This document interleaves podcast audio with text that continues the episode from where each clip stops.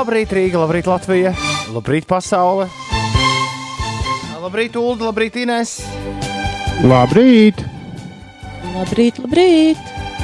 Beidzot, mēs padzīvosim nākotnē. E, nu, nu, pat mēs arī dzīvojām nākotnē, bet tagad atkal padzīvosim nākotnē. Nākotnē, kad labklājība uz zemeslodes būs tik laba, ka ļaudīm nevajadzēs strādāt vairs piecas darba nedēļas. Tad viņi augs tikai no pirmdienas līdz ceturtdienai. Vai arī uzvarēs, uh, uzvarēs tie spēki, kurus pārstāvēs, kur teiks, ka vajag ne labāk, ja ir četru dienu darba nedēļa, tad labāk strādājam otrdienu, piekdienu. Nu, tā lai piekdienas vakarā būtība neizbojātu, un es par to vairāk kārt esmu teicis. Man patīk, ja pirmdiena būtu brīva uz visiem laikiem turpmāk.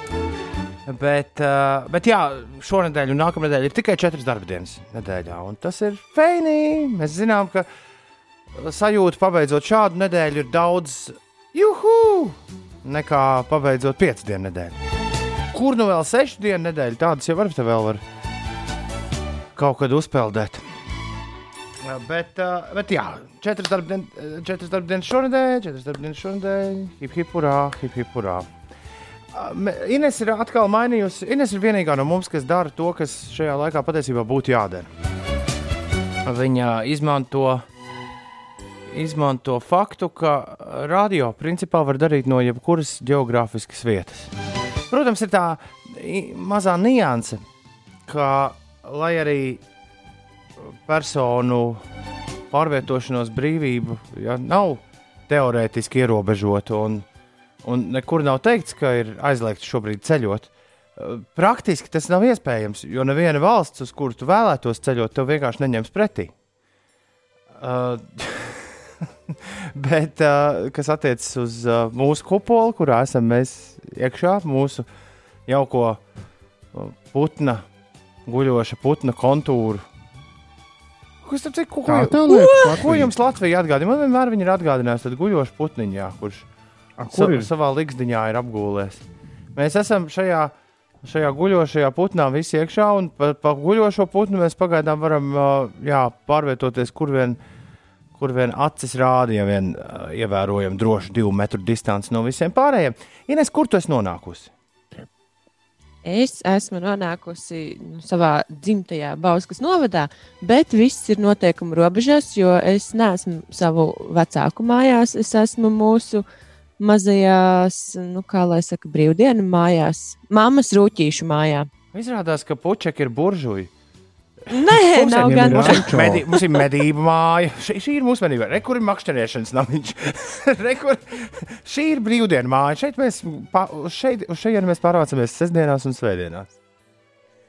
Amē, Nē, tā, amazing. tā gan gluži katra, tas man atgādina uh, seriālu Ranch. Viņiem arī tur bija visādas mājiņas. Nu, jā. Bet uh, es katrā ziņā esmu ļoti, ļoti priecīga par to, jo šī mana pagājušās nedēļas eh, piekdienas dušas ideja ir pilnībā atrisinājusi manu skumšanu pēc laukiem šajā laikā.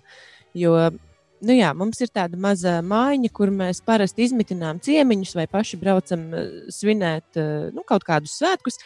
Bet uh, burtiski mājās jau nevar. Paši. vajag speciālu māju. Nu, jā, jā. Vispār tā ir mammas uh, daļdārzniecības māja, jo lielajās mājās uh, saimnieks ir tētis, un tur visas Bet kāpēc- darbības ir jāsaskaņo Kāpēc ar viņu. tēta medību namiņu nebrauc? Tāpēc, ka nav tāda medību namiņa. Šī ir mazā mammas rūtīša mājiņa, kur viņa var uh, veidot savas puķu dobas pēc sirds patikas. Principā tavs mammas ulubele.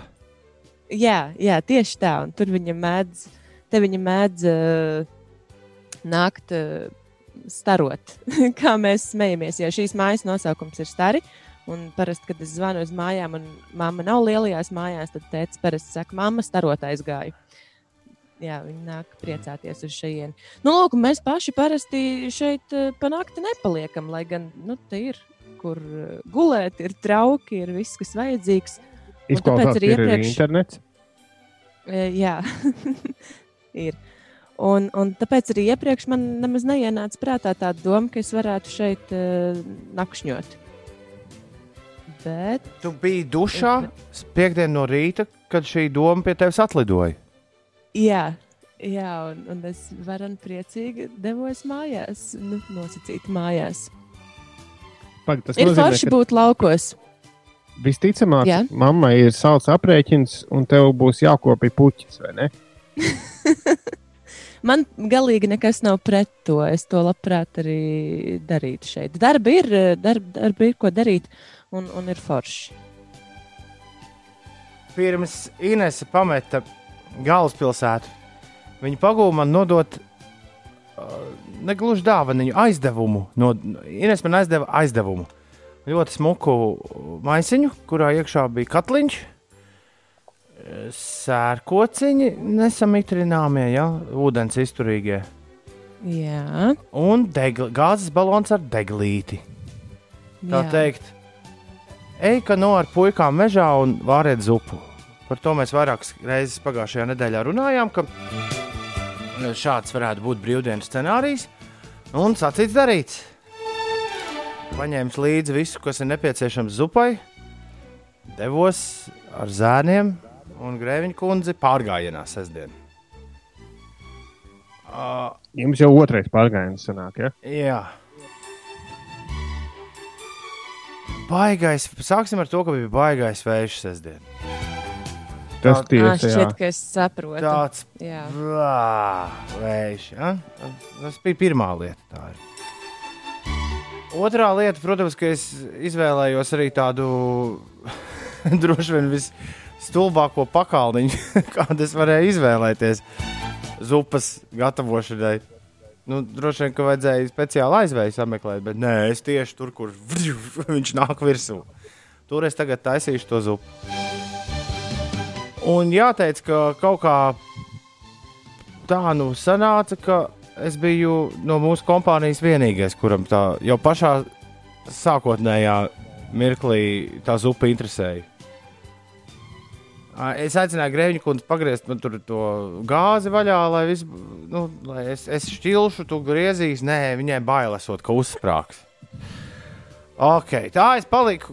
Kā, bērni šajā situācijā, tur, kur mamma, tur arī ir. Un Grēviņa kundze aizgāja lakām saulītē, jo es jau redzu, ka esmu ievācies vējā un ēnā ar to savu zupu. Un tā es paliku, tā es paliku viens pats.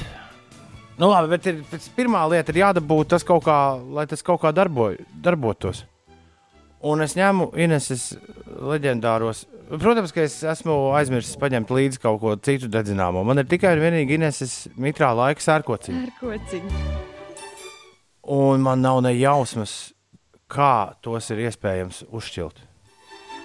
Viņiem augšā uz skārbiņas ir teorētiski nu, tas tur, Sērs, jā. jā. jā, aiz kura velkot, viņiem vajadzētu piešķilties. jā. Bet viņi nešķiļas. Hm. Viņi vienkārši nedarbojas. Es tev pirkšu jaunus sērkociņus, jo es visu to sēru kārtiņu pamatīgi sabeidzu. Jo, nu, tas Es nebija. domāju, visas izlietoju. Nē, tas nebija iespējams. Velc, velc, velc, nav. Un, un, Es šobrīd meklēju internetā. Viņi ir tādā tā kā zāļu. Jā, zāļu jā, jā, jā. Nu, tādā jā, jā, jā. pudelītē. Jā, jā, Ah, jā, jā, jā. Ir man telefons. es domāju, jāzvan Inesai, jāprasa, vai ir kāds noslēpums šiem sērkociņiem. Bet, te, lai, lai būtu vēl jautrāk, man telefons arī ir izlādējies tajā brīdī. Un Ines sazvanīt es nevaru. Sērkociņi nedarbojas. Bet uh, nelegāli skatos, tur tālāk mežā trīs kungi sapīpojuši. Ir. Nu, satikušies uz, uz pīpi, tā teikt. Nu, ko darīt? Nu, iešu prasīt viņiem. Uh, šķiltavs aizgāju, iedevu šķiltavs, palaidu tagad visu ieparikt. Jēj! Dzīve sāk izdoties. Atdod šķiltavs, skrienu atpakaļ pie sava katliņa. Jā, skatos, jau tur kaut kas tāds, tur jā, tur ūdens kļūst ciltāks, viss feini. Pēc mirkļa jau kaut kāda dūma parādās. Tā, jau, uz vārīšanās pusiet. Jā, iemet buļļonu. Sāksim ar to. Ja ieliekam buļļonu, viņš pašķaidām buļļonu, no forši. Tagad viss smuki tur. Jāgaida tikai sāks vārīties. Uzliek vāciņu. Paiet divas minūtes. Nu, Nekas tur vēl nevārās. Paiet piecas minūtes. Es patiesībā skaitīju pie sevis līdz simts visu laiku. Neskaitu līdz simts pastos, nekas tur nevārās. Noskaitu vēl līdz simts. Nē, nekas nevārās. Pēc pusstundas man apnika. Tad droši vien nodzis deglīts. Ne? Viņš nenodzis, nē. Droši vien, ka es biju pa daudz ūdens salējis katlā. Bet eh, šis siltuma daudzums nespēja to ūdeni novest līdz vārīšanās temperatūrai. Man uzreiz ir jautājums, kā prīmus nezinātājiem. Es biju atgriezies līdz ta- galam. Jā, vai tam ir kaut kāds stiprāk, vājāks? Man, man nešķita, ka ir. Tāpēc, ka Ir. Jo tajā brīdī, kad tu viņu iededz, tā liesma ir tieši tāda pati, man tā šķita. Kā tad, ja tu viņu aizgriez līdz pat uh, pašam galam. Vizuāli es neredzēju nekādu atšķirību. Nu, Nē, ir nu nu, tad, kad lielāka padeva un mazāka padeva gāzes. Bet, uh, jā, nu, pirmkārt, vajadzēja atrast uh, aizvēju lielāku. Laikam gan jā. Nu, pēc 40 minūtēm, kas tika pavadītas, gaidot, ka kaut kas sāks vārīties, tika nolemts, ka zupas vārīšanas mēģinājums ir izgāzies. Un bija jāsāk ceļojums atpakaļ mājās. Mm, cik skumji.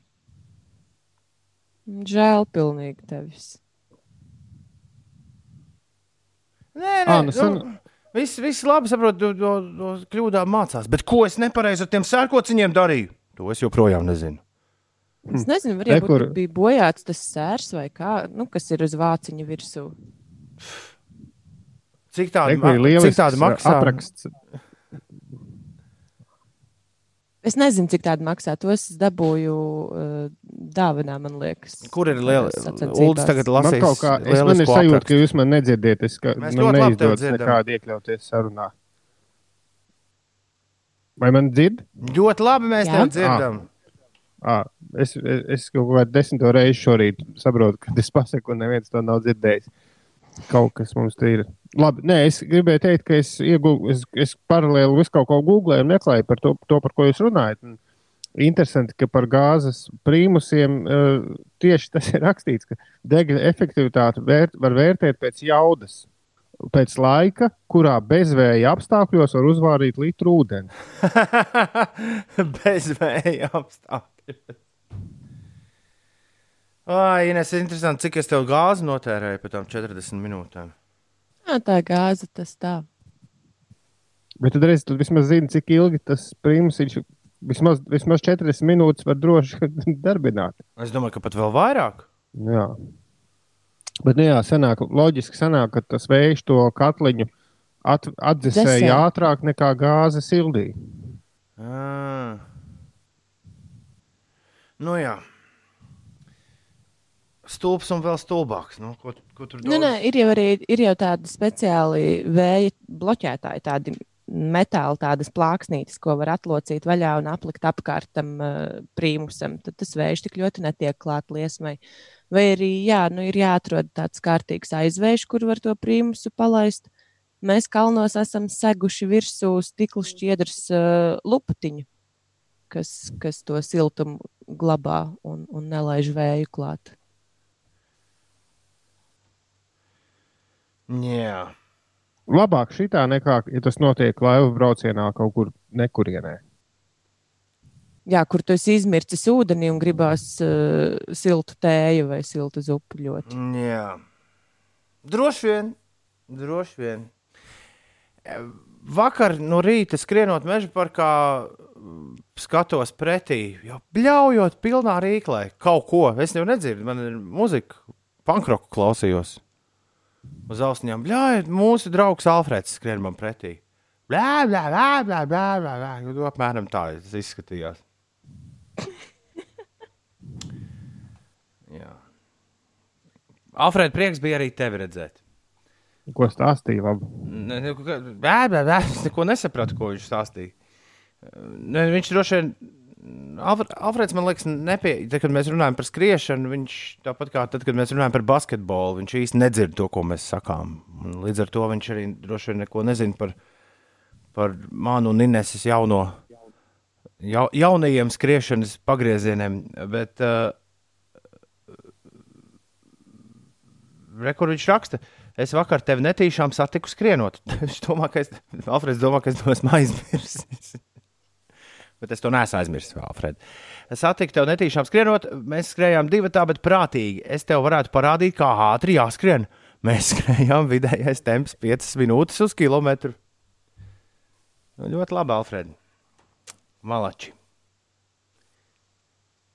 Kāds mūsu klausītājs raksta, ka vienīgais ceļotājs Latvijas šobrīd pasaulē ir Kārlis, kurš joprojām ir savā laivā. Jā, droši vien. Man žēl, ka grēviņu un ziediņu kungi nevar pamainīt ikdienu, kā to ir izdarījusi Inês. Nu, gan jau kā, kaut kad pamainīsim. Bet Uldis mierīgi varētu mm, nobruņoties ar eh, tiem powerbankiem un, un aizlaist uz kādu mežu, palikt teltī. Teltī diez vai, bet kādu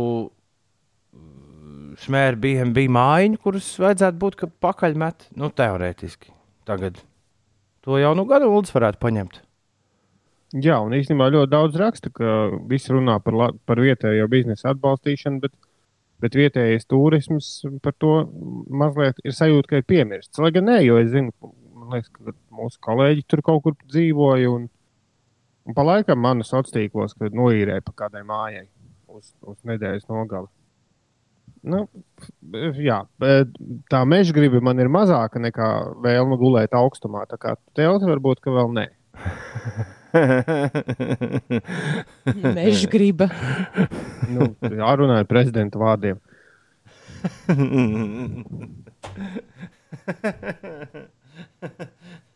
Kur ir mūsu bardeļa Kārlis?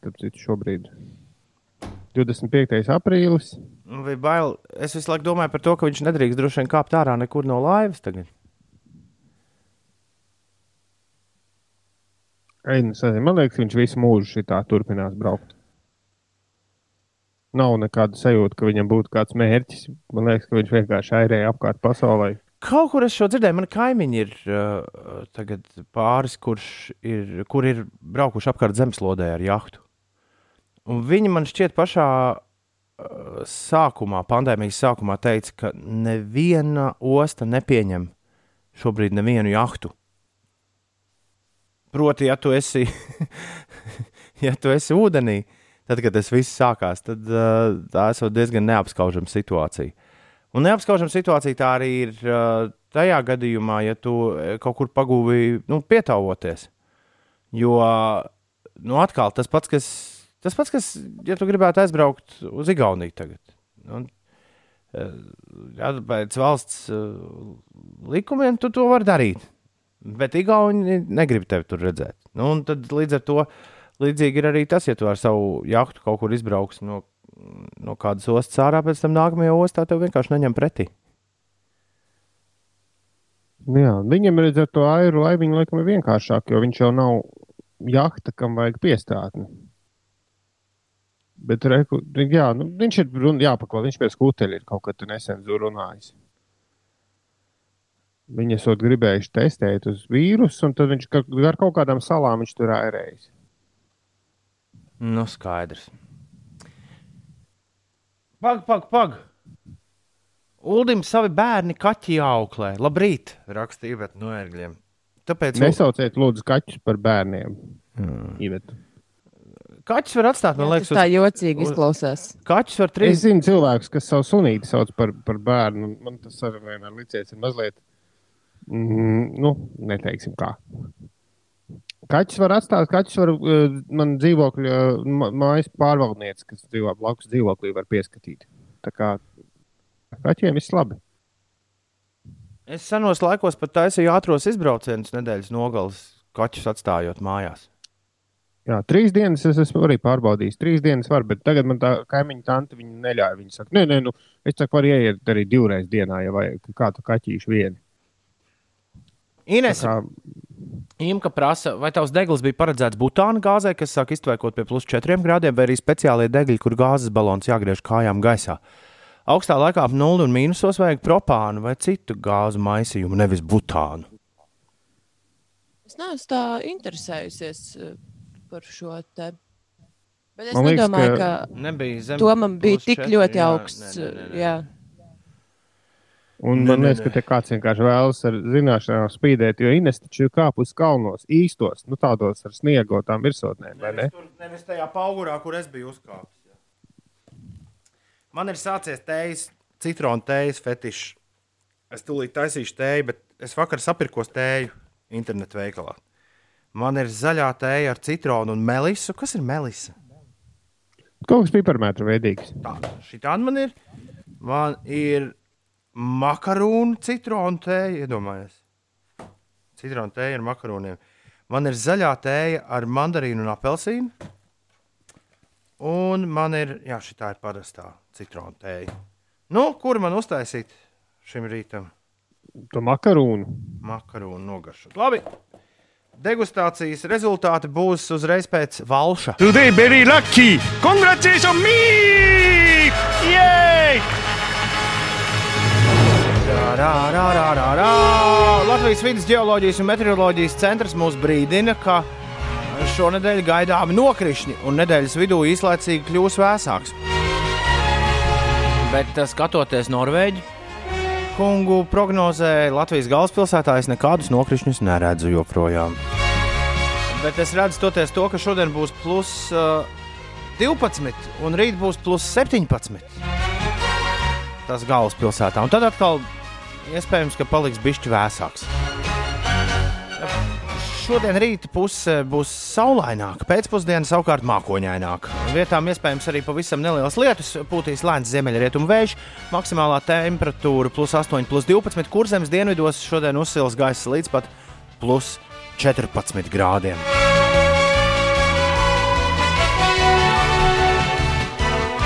Ko saka Putnīnes? Putni. Nu, es nezinu, pēc kā, pēc kā tu vari novērot šorīt savā lauku idilē. Jā, Ah. Vispār Jā, šajā la- vietā laiku. diezgan, diezgan zemu lido gaiputni. Nu, Zosis zemu lido. tā Man liekas, ja putni lido zemu, tad ir silts. viņi tā kā lido mājās.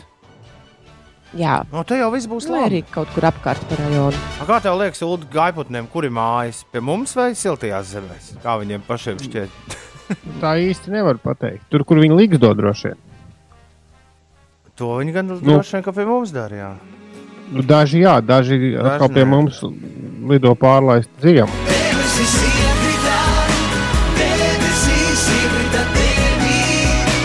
šis jubalts soliņš.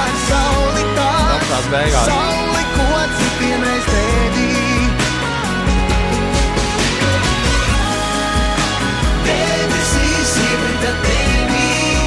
Bez šitā jubalta soliņa šī dziesma būtu nekas.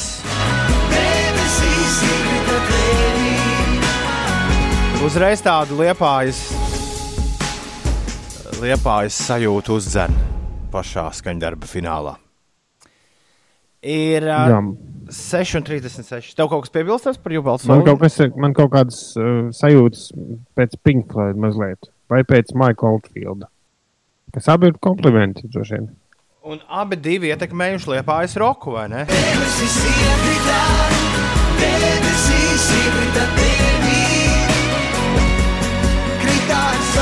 Bet ir tur Oldfields, jā. Bet šī bija, ja nemaldos, viņa pirmā, pirmā sadarbība ar zviedru producentiem konkrētajiem, kuru vārdus mēs, protams, zinām. Bet, nu, Jā, tagad, jā. Nu, lai vai kā, lai vai Forši. kā tur būtu, viss forši. Tieši tā. Man patīk, kā Līvas rakstīnēs. Gaiputnē mājas ir ceļā vai uz pannas. un, starp, Baigais. un starp citu, pirmā tēja, eksper, šī rīta tēja eksperimentā ir absolūti nedzerama.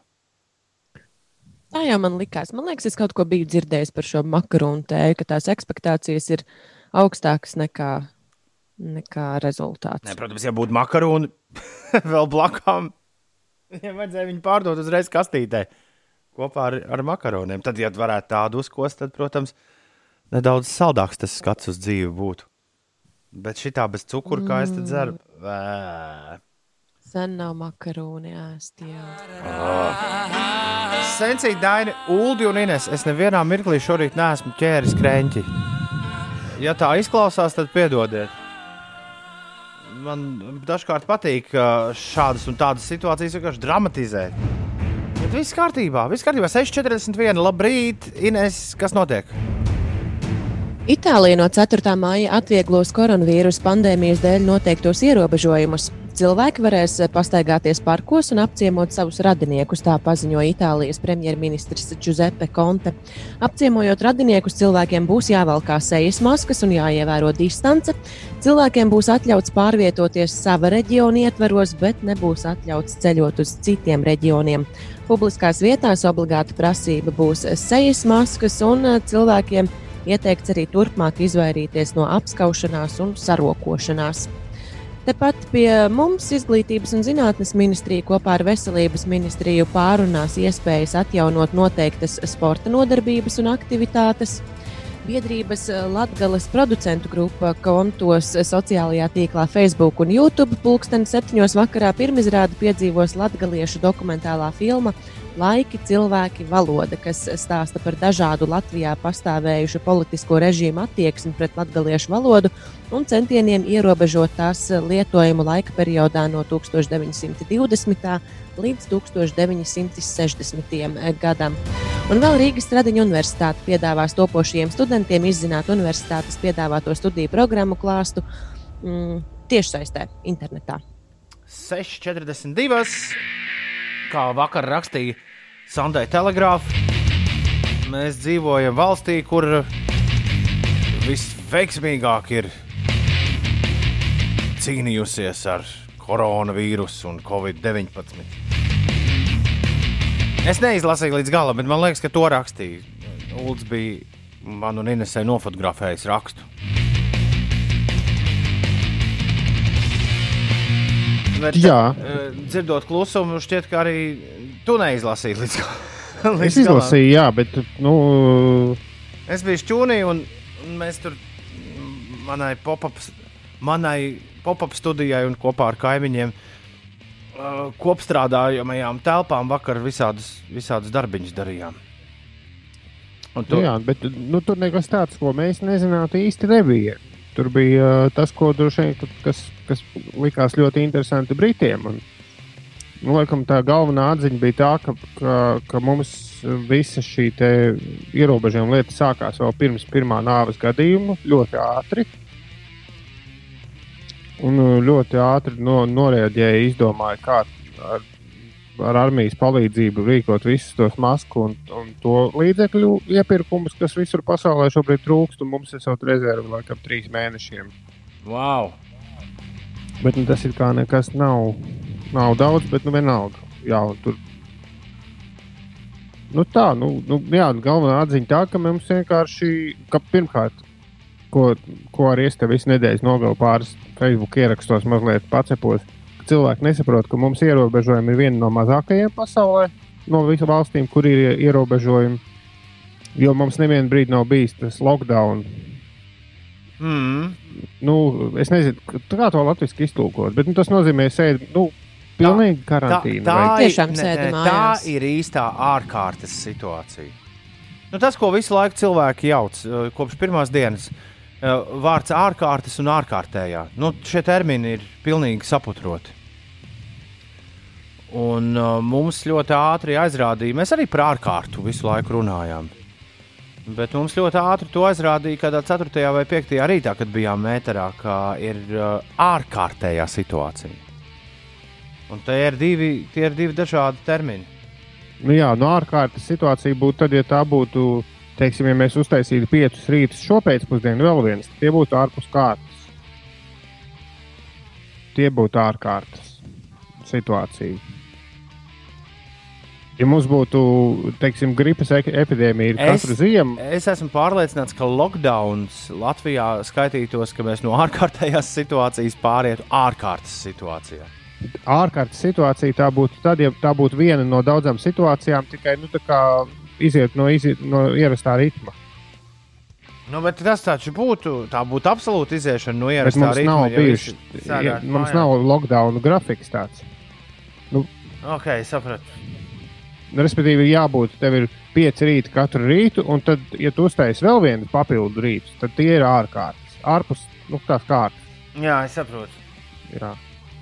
Bet labi, ne, ne par terminiem. Bet, bet Nē, nu kā ne par terminiem. Tu nezini, kā latviešu kaut lockdown. Varbūt kādam ienāk prātā kāda laba ideja. 293, 202.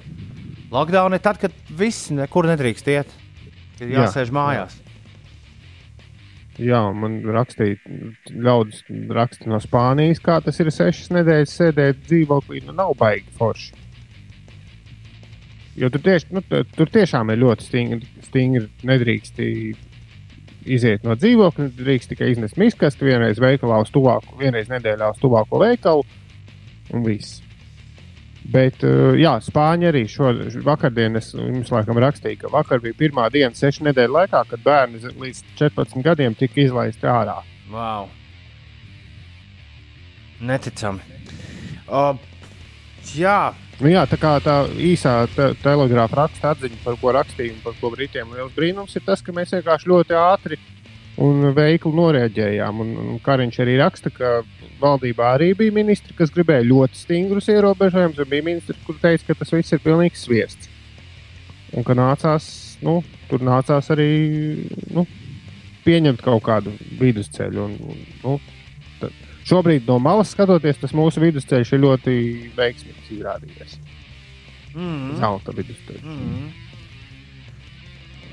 Tiem, kuri ir dzimuši, lai nedaudz paslinkotu, šis gan ir brīnišķīgs laiks, jo tu neko īsti neizdari, ne, arī neizēj ārā no mājas visas dienas garumā.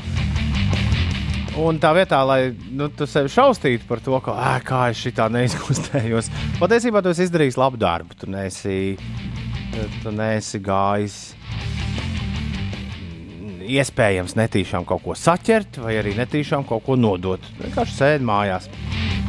Uh, jā, un tad tu piespiedu kārtā daudz no mums mājās ir uh, jā, nu, nolikt situācijā, ka ir jāpiedalās kaut kur, kur mēs kā nu, nevienā brīdī nebija plānots, ka mēs piedalīsimies. Manai, manai sievai ir Latvijas, uh, Spotify klausītākais podkāsts kur viņi ieraksta reizi nedēļā un runā ar visādiem slaveniem cilvēkiem. Un kopš ir iestājusies ārkārtējā situācija, tad es esmu regulārs. Klausītājs. Es esmu re- regulārais ciemiņš uh, šajā podkāstā. Visu laiku bija pirmais. Nu, nav, tur tur tie, tie topi, kopš es sekoju mūsu podkāstu, tur tie topi mainās pa stundām. Ah, ok. Bet nu, viņi, jā, viņš stabili ir nu, pieciniekā noteikti. Viņi tur Jā, ir es, desmitniekā. es ar nepacietību gaidu, kurā brīdī mūsu podkāsts un viņas podkāsts ieņems ap divu, pirmo un otro vietu. Ja tu kādreiz tādu mirkli uztver, tad nofotografē. Bet, uh, uh, bet jā, ko es gribēju teikt, tad, kopš iestājās ārkārtējā situācijā, es esmu regulārs ciemiņš, jo mēs vienkārši dzīvojam kopā. Un, un podkāsts tiešām tiek veikts mūsu virtuvē. Un Ulds vakar man rakstīja, ka viņš klausījās mūsu iepriekšējās nedēļas sarunu ar uh, Kasparu Breidaku. Un uh, šorīt uh, gaisā dodas raidījums, kurā mēs uh, pļāpājām ar uh, Dairu Bērtānu, ar ko izrādās Grēviņa kundze vidusskolā kopā mācījusies. Saka, disko, bet kāpēc īsti tev ir jābūt podkāstu regulāri? Nu, Es sēžu virtuvē. Nu, viņš notiek. Tu netrauc. Jā. Toms tur ir dzert ēju. Es tur dzeru tējas, es dzīvoju. Tas notiek manā, manā virtuvē, jokaidī. Dairis pateica vienu ļoti interesantu lietu starp visām Dairis ir Bērtāns, kurš Maskavā, ja viņš ir Latvijā tagad.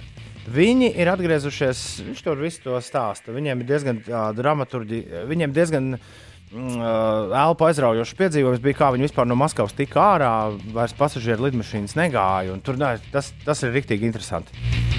Bet, uh, Es tas, vienkārši tiem uh, tādiem dundukiem kā es, kurš jauc reizē mammas Bērtānu. nē, nē, tas nav NBA, bet viņš ir. NBA dā, Dāvis Bērtāns. Bet Dāvis stāsta par Dāvi, jo es prasīju, kāpēc Dāvis nav Latvijā. Un, un uh, NBA tā vismaz saka Dairis, visu laiku ir pilnīgi pārliecināti, ka tūlīt viss notiks.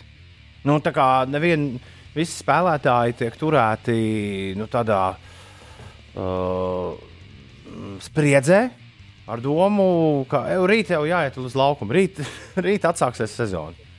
Pienāk rītdiena, ah, nu nē, nu, laikam, laikam nebūs. Pārbīdam, pārbīdam vēl bišķi uz priekšu, bet, tu, bet tūlīt būs, tūlīt būs. Šāda esot, tā, jā, NBA stratēģija. Un viņiem avīzēs raksta, ka viņi atsāks 2021. gada rudenī. Ļoti iespējams kaut kādas spēles. Bet jā, spēlētājs Jā, bet... mājās nelaiž. Jā, bet tas, tas ļoti sa sakrīt, jo mēs tur kaut kad spriedām, ka tūlīt jau brauks, viss tur lidos pie mums porziņas un kas. Bet tas ļoti sakrīt ar interviju, ko es pilnīgi nejauši uztrāpīju ar vienu futbolu, ar Premjerlīgas. Ja? Tā ir augstākā. Liverpoola mm laikam spēlē. Es neatceros, kā viņi sauc, bet vārdu sakot, futbolisti, kurš spēlē Anglijā augstākajā līgā. Tas nebija Jā, Mohameds viņš... Salahs. Nē, nē, angļu vārds, uzvārds, bet nu, nav, ne, nebija. Nu, es Labi. tādu pirmo reizi dzirdēju. Nu, labi. katrā ziņā viņš, viņ- jā, viņš stāstīja, ka viņiem ir, uh, nu kā, nu viņiem maksā milzīgu algu. Un uh, viņiem maksā algu par to, lai viņi būtu augstākajā sportiskajā formā. Līdz ar to pat, ja nenotiek spēles, viņš nedrīkst nebūt vislabākajā formā, kādā iespējams. Līdz ar to viņam ir, uh, protams, ka tur ir individuāli sastādīts treniņu programmas un iespējas sazvanīties un visu kaut kādu online treneri un kas, bet viņam ir tiešām, viņš saka, nu, Principā, kopš sākusies visa šī padarīšana, viņiem ir 8 stundu darba diena visu laiku mājās. Treniņš ar sevi. Protams, ka viņš saka, var, var, var sajūt prātā, ja tu netiec darīt to, ko tu gribi darīt. Tu gribi spēlēt futbolu vairāk, nevis vienkārši vingrot. Bet uh, tu- tur, kur ir tie simtiem miljonu algas, tur laikam tomēr arī prasības ir kaut kādas. Jā. Es saprotu, ka tiem, kuri nu, vispār nevar izturēt bez sporta, tiem ir tagad e-sports, ja iegriezies tā kā traks, traks vai paliec. Tur es saprotu, Latvijā ir kaut, ir kaut kādas līgas, un tur notiek futbola līgā cīņas vispār, kā tik turies. Jā, bet vienīgais, ko Gaidu ar saprotu, nepacietību, kad to sāks rādīt pa televizoru. Tad, ar, tad arī mēs pieslēgsimies. Jā, bet to, ka sportisti spēlē, spēlē laisītī hokeju, vai fu- futbolu, vai basketbolu, tas man liekas dīvaini. Vienīgais rallija, to gan var braukt, ja tev ir stūri un pedāļi. Tur man liekas, ka rallisti visi nitiši un visi tie varētu pa īstam sacensties.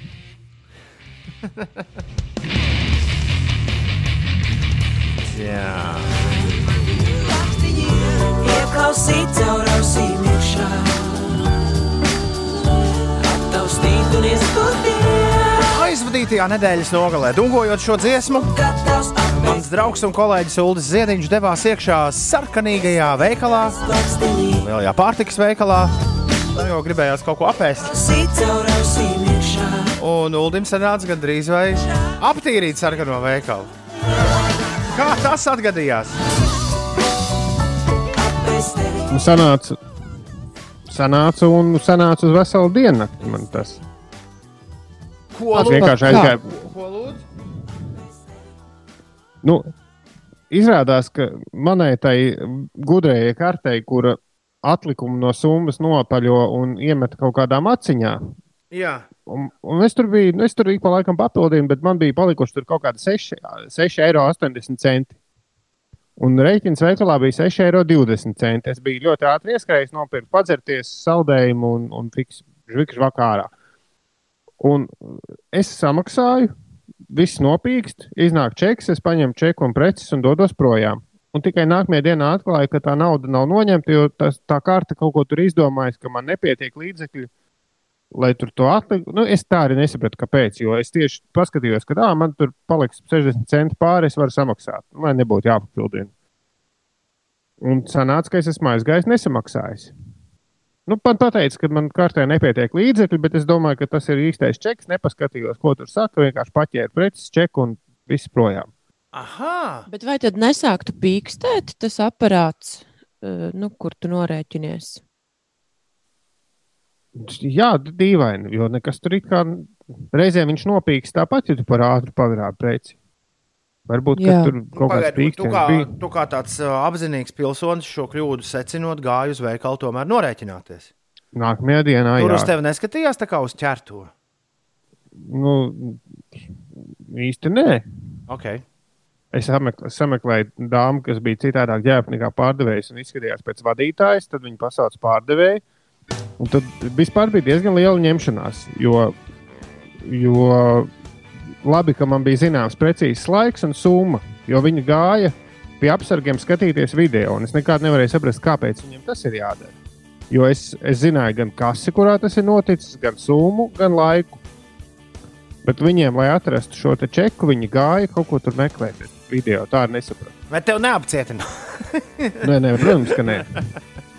Bet beig, beigās bija jocīgi, ka viņiem nācās tur izsist kaut kādu citu preci, čeku un nomainīt summu, lai to naudu ielikt. Nu, tur bija diezgan dīvaini tā visa padarīšana. Bet viss beidzās kā- laimīgi. Viss beidzās laimīgi, jā. Diemžēl es biju spiests pavadīt visu to laiku veikalā. Jā. Bet uh, svarīgākais Distancējoties pie dzeltenās preses plaukta. ļoti labi. Svarīgākais, ka beigas laimīgas. Latvijas Rādio zaglis. 5 LV kopā ar jums. Mēs neesam zagļi. nē. Mēs turpinām. Toms Grēviņš šeit joprojām Doma laukumā. Ines Pučeka ir pārvākusies uz dārza māju. Nu jā, tā to varētu kāds nosaukt. bija tās nosaukums? Stari. Ines Pučeka ir dzīvojā no stariem, vienmēr sakot, staro, un Uldis kaķīšus baro savā dzīvoklī. jā. Un uh, Ines šodien no stariem arī dosies dzīvajā uh, Instagramā, pulksten pustrijos mūsu ikdarba dienas rotaļā, kuras sauc mācēs ar pieci. 5 LV Instagram kontā, 5 rakstot ar burtiem. Katru dienu pustrijos, jā, kāds no mums stāsta kaut ko ļoti noderīgu. Un Ines šorīt, uh, Uldim nebija līdz galam skaidrs, ko Ines šo, šodien stāstīs. Ines, ko mēs no tevis uzzināsim šodien? Mēs uzzināsim, uh, kā rodas piens un ko ar pienu var darīt mājas apstākļos, un gala rezultātā, kā sataisīt mājās sviestu. Tu dzīvajā slauksi govi Instagramā? Ak, nu, nē, nē. tik daudz laika man Instagramā nav. Nē, es parādīšu, kā sakuļu sviestu mājās. Es nezinu, jūs esat to kādreiz darījuši vai Nē, redzējuši? Nē. Tas nav tas ar Nu, to separatoru mašīnu. À, nu tad tev ir mazliet nojausma. Jā. Ir, ir, ir tur iesaistīts eh, tas uh, piena separators, bet uh, par to es tikai izstāstīšu. To es uh, dzīvē tur nepalaidīšu. Tā tad, principā, tev būs uh, piens. Instagram live Drīzāk jau sākumā. saldais krējums. Tavā priek, priekšā būs saldais krējums. Un tad, kad Instagram live būs pienācis beigām, tu jau ēdīsi sviestmaizi, ko tu būsi no šī saldā krējuma uztaisījusi. Apmēram, jā. Tāds ir tas plāns. Nu, tā kā es esmu laukos, tad es izdomāju pastāstīt par tādām mm, lauku ikdienas uh, lietām. Ļoti forši, jo daudz nemaz to es pieļauju, ka nemaz nezinu, kā, kā top. Jā, jo pie, Ulds, piemēram, šobrīd ir par britu lauku, laukiem daudz labāk informēts nekā par mūsu pašu laukiem. Man Kā patīk, tā? kā tu taisi tiltiņu pa tēmām. Ļoti forši. Ja vēl tu to nekomentētu, nu tā visiem dzirdot. Nu, tāpat Kāpēc ne? Kāpēc izlikties, ka kaut kas nav? Jā, ne, mums ir dažādas tēmiņas sarakstītas. un Tad, eh, ja mēs agrāk izrunājām, eh, neklāt, nu, redzījumā, dziesmu laikā, ka tagad man, jāpastā, man ir tas interesants pastāstāms, tad neklātienē tas viss mums nu, nenotiek. Mums nav iespējams sarunāties dziesmas laikā. Un paliek tikai čats, un čats jau ir tikai tāda pussaruna, nevis pilna saruna. Jā, tā, tāpēc mēs te tā visādi pa tēmām lēkājam. Man, man liekas, ļoti forši pastāstīt to, kā mums notiek mūsu aizkadra lietas. Bet jā, es klausījos Vispār- angļu. Mm, Jā. jā. Mum- Mums, mums ir krietni vairāk par ko runāt šajā laikā nekā, nekā iepriekš. To es esmu pamanījusi, graizot mūsu uzsildījumus. Jā, man ka lik- ne, visu laiku sajūta ir, ka ir otrādi. Ka vispār jā, jāskrāpē katla dibens, lai atrastu kaut ko interesantu. Jo visu laiku viss ir viens un tas pats. Nu, jāsaka, tev labs, uh, labs tas uh, katliņa dibentiņš. Jo ik reizi kaut ko skrāpējot, kaut kas, kaut kas jauns nonāk uh, no tā dibena. Jā, bet par to britu, Bet par Britu. par jā. britu pubu pastāsti. Es dzirdēju, interesanti interviju, fantastiski iedvesmojoši interviju ar kādu dāmu, kurai pieder krodziņš, nu, mazā britu ciematiņā, tādā kā rāda mūsu seriālos, kur, nu, nu tās, kur ir viens kroks, viena baznīca un divi veikali apmēram tādā ciematā. Viņi ir kroga īpašnieci un, protams, ka viss ir apstājies. Viņi saka, mēs, mēs vienas dienas laikā aizslēdzām visu. un Viņai ir tā, tāds paps, kurā arī baro, kurā ir virtuve. Cik mēs vienas Visos, man liekas, ka pi- visos pabos dod ēst. Nē, viņas, nē, viņas stāsta, ka ir, uh, ir wet pubs un ir, tad ir parastie. Nu, ir tādi, kur dodējas. Un ir Aha. wet pub, ir tas, kur tikai dzert. Aha. Un viņi saka, uh, viņi vienas dienas laikā ir pilnībā pa 180 grādiem pagriezuši biznesu un tagad tikai vienīgi piegādā ēst. Un piegādā ēdienu savam ciematam, kaimiņu ciematiem, un plus vēl vedot visus tos ēdienus, viņi uz savu ciematu ved uh, zāles. Jo Britiem ļoti, ļoti, ļoti stingri tas, ka nu, vecāki ļaudis netiek ārā laisti Mhm. jāizolējas. Un, nu, principā, pat nedrīkst staigāt apkārt. Līdz ar to viņi ved visiem veciem ļaudīm, ved no kaimiņu ciemata zāles, pierādījis izvadājot visus tos ēdienus. Un vēl viņš interesants fakts man likās tas, ka alus darītavas ir paņēmušas atpakaļ preci, uz ko atdos tad, kad atkal varēs sākt nu, kaut ko tur pārdot. Ka viņai nav, nebija nu, milzīgi zaudējumi ar to neradās. Tālum jau ir termiņš, ir īpaši muciņām. Nu, jā, bet nu, nu, kā nu, tu esi tur krogam sagādājis kaut kādus krājumus, un tad, kad viss apstājas, tad tev tas termiņš tam alum izbeidzas, un tev viņš jālai ārā un ir zaudējumi. Bet viņiem ir tas paņem, ražotājs ir paņēmis atpakaļ, un tad, kad atkal viss atsāksies, tad viņiem iedos svaigu, ne jau to pašu. Acīm redzot, ražotājiem bija citi veidi, kā izplatīt. Nu, tā tad jāsacina no tā. Nu, vai nu citu veidu, kā izplatīt, vai vienkārši viņi paņēma tos zaudējumus uz sevi, lai tie mazie, mazie, mazie krodziņi neiznīktu. Bet, jā, bet jaukākais tas, ka dāma ārkārtīgi enerģiska. Viņa saka, mums nekad mūžā nebija nācis prātā, ka mums vajadzēs vienas dienas laikā nomainīt pilnībā biznesu. Un izrādās, ka tas ir iespējams. Izrādās, to var izdarīt. Jā. Ir 12 pār 7. Labrīt! Ir pirmdiena, pēdējā pirmdiena aprīlī. 27. aprīlis. 12 pār 7. Šeit Latvijas radio 5,5 LV. Tu klausies rādījumu, kur sauc 5 rīti. Otrs Rīga Latvijā! Rīga Latvija augšā, viss, viss augšā. Mūsu Rīga Latvijā!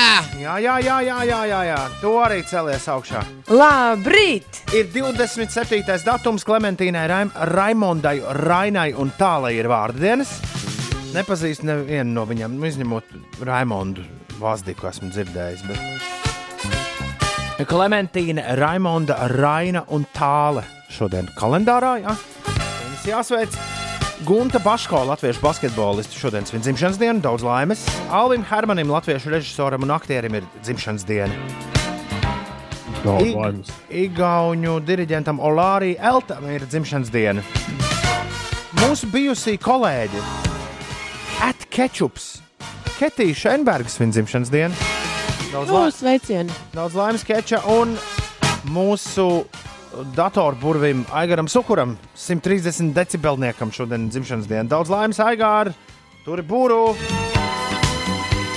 Un lai decibeli nekad nav vairāk par nu, šitiem 130.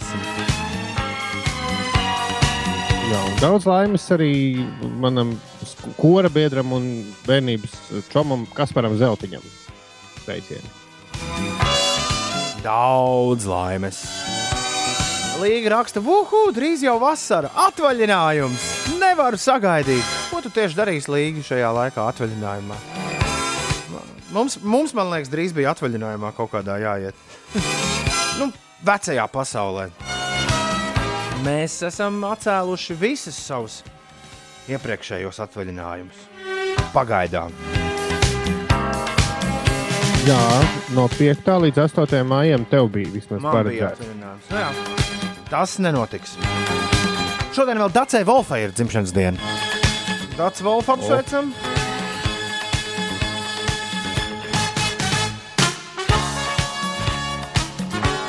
Un es esmu lipīgā situācijā, par kuru laikam es neko neteikšu. Izlītēji. Ah, Imantam Daksim vēl ir dzimšanas diena, dziesminiekam. Es skatos uz jubilāriem, bet man īsti neiet internetā. Un ir daži jubilāri, kurus es zinu, ka vārds uzvārds ir baigi dzirdēts, bet es nezinu, ko viņi dara. Un es nevaru apskatīties uz bildītēm. Tālūk ir lipīga rīta radio cilvēka situācija. Šai pavasarī Siguldā redzu diezgan daudz cilvēku ripojam ar skrituļslidām pa pilsētu bez aizsarga līdzekļiem, raksta Siguldas Edgars. Ļoti iesaku vilkt gan plaukstu sargus, gan elkoņu, gan arī ceļu sargus, jo tas kritiens agri vai vēlu notiks, un šie kritieni bez aizsargiem ir ļoti nepatīkami un traumatiski. Un Rīgārds nesaprot, kā tas var būt, ka itāļi drīkstēs apciemot radiniekus, bet mums ir aizliegts. Nu, Itālija jau ir diezgan daudz nedēļas mums priekšā tajā visā. Vai ne? Mm. Viņiem ir kaut kāda, viņi ir secinājuši, epidemiologi, ka ir kaut kādu laiku bijis tāds vērā ņemams uh, samazinājums gan jaunu gadījumu, gan nāvju skaitā. Un secinājis, ka ir iespējams, bet tur jau bija ļoti stingri, tur ar maskām un tā. Jā, un vispār varēs ceļot tikai pa savu reģionu. Tā kā tu nevarēsi braukt pie radiniekiem, kas dzīvo varbūt tur, nezinu, Jā, pašos tur- Itālijas dienvidos. Otrā pusē. Tā, ja Līga dosies atvaļinājumā un raksta mums, ka izbaudīs katru vasaras dienu, kur pavadīs bez datora, jo uz doto brīdi tas dators galīgi līdz kaklam. Bez komunikācijas ar citiem pa darba tēmu izbaudīšu laiku mājās kopā ar saviem bērniem. Jā, tagad jau pavadām kopā laiku, bet stresa pilnu laiku darbs, skolnieces mājas darbi, darbi pie mājas.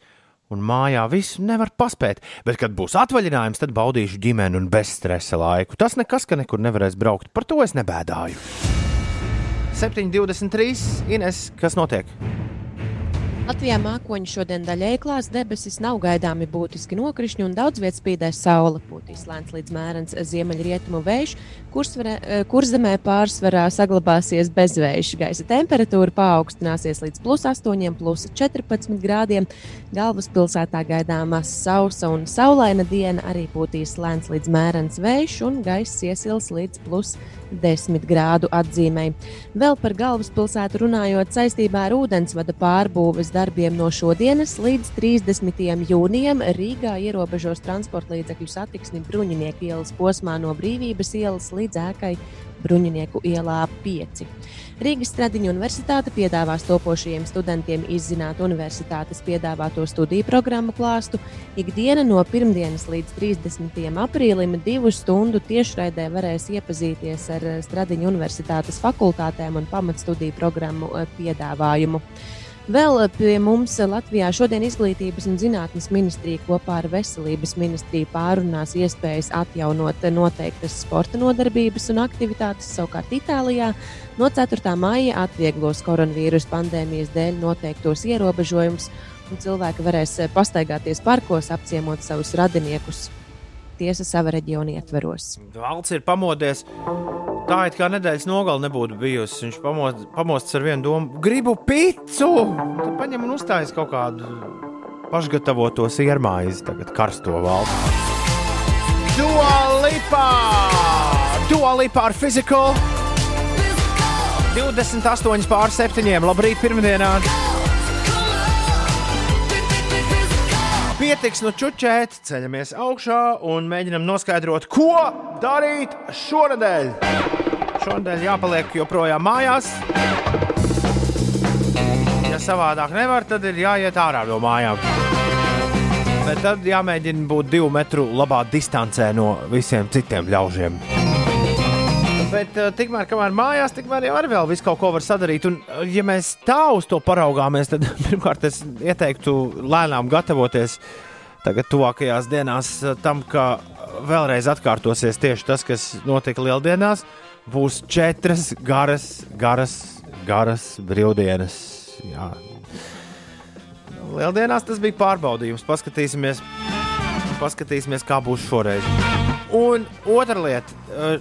Šī ir teorētiski nu, no mūsu skatu punkta runājot par to, kas šodien jāizdara. Sanāk ļoti gara nedēļa, jo, lai arī tikai četras darba dienas, kopā nedēļa, nu, tā pārskatāmais plāns noslēgsies tikai 4. maijā Latvijas valsts svētkos, neatkarības atjaunošanas 30 gadē. Uh, Nu, lūk, tāpēc man ir par 4. māju uh, jums šis tas izstāstāms. Es domāju, O. es domāju, ka tas, ko jūs nemaz nezināt, Ulu un Ines, ka ārkārtas situācijas ierobežojumu dēļ Nacionālais kino centrs tradicionālo 4. māju Latvijas filmu maratonu rīkos portālā Filmas LV. Tomēr, uh, saglabājot kinoteātra modeli, deviņi kinoseansi konkrētos laikos. Un būs arī pirmizrādes un pat vienas grāmatas atvēršana. Uh, Turklāt šogad maratona programma būs pieejama visur pasaulē, ne tikai Latvijā. Līdz šim, tad, man liekas, bija 4. maijā katru gadu Splendid Palace kinoteātrī bija bezmaksas filmu seans abās divās zālēs, un tur rādīja patiešām varenu, varenu filmu klāstu. Pasties, un būs arī, es tagad skatos programmā, kur ir, protams, diezgan plašs priekš visas šīs dienas. Būs arī klasika, piemēram, fotografija ar sievieti un meža koili. Būs Jālgava 94, būs spiegs, kurš mans tēvs, būs kolka cool. Un pēc pusnakts būs arī Signis Baumans erotisko, erotiskā animācija. Un būs arī pāris pirmizrādes, un viena no tām, jā, vakar pirmizrādes seanss ļoti īpašs režisors Aijas Blake dokumentālā filma. Mēs gribējām izmainīt pasauli. Inokentijas Mārpls. Tā būs Latvijā pirmā filma, kas pirmizrādu un izplatīšanu piedzīvos tikai internetā.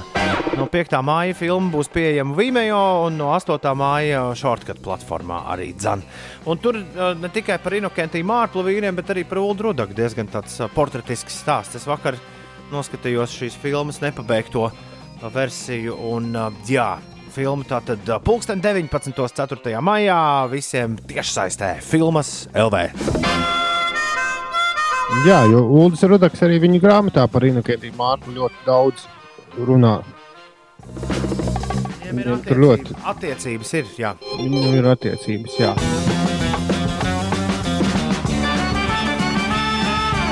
Tā. Tas tev viss, jā? Nu, laikam gan jā. Jā, es esmu, beidzot, es esmu nolēmis šonadēļ beidzot redzēt tos stulbos satelītus, ko es tādu nereiz neesmu pamanījis, tos Elonas Maska lidotājus. Un tāpēc es esmu atradis lietotni, ko ir vairākas. Man ir tāda, kas ir dzeltena logo Starlink Tracker. Un, un ļoti, la- jo- ļoti forši es ierakstīju, ka es esmu Rīgā un man parādīja, šonadēļ ir 1, 2, 3, 4, 5 laiki, kad šie te satelīti būs dažādos punktos redzami. No tiem četros ir pierakstīts klāt hard to see, jeb grūti saskatīt. Bet vienā, kas būs šovakar, viens gadījums ir diezgan iedzīgs. Tur viss ir grādi pierakstīti un precīzs laiks, un 5 minūtes tas notiks. Tā kā, ja tu arī gribi beidzot saskatīt tos lidojošos vilcieniņus, iesaku lietotni Starlink Tracker. Jā, es tie- tieši šobrīd sev lieku virsū. Pagaidiet, cikos šovakar būs? Šovakar, tā es jau paspēju aizvērt, šovakar man rā... tur ir interesanti, jo tur viņi ir piecās kārtās izlaisti. Tu piecas, cik var saprast, piecas tās uh, kompānijas to satelītu ceļo.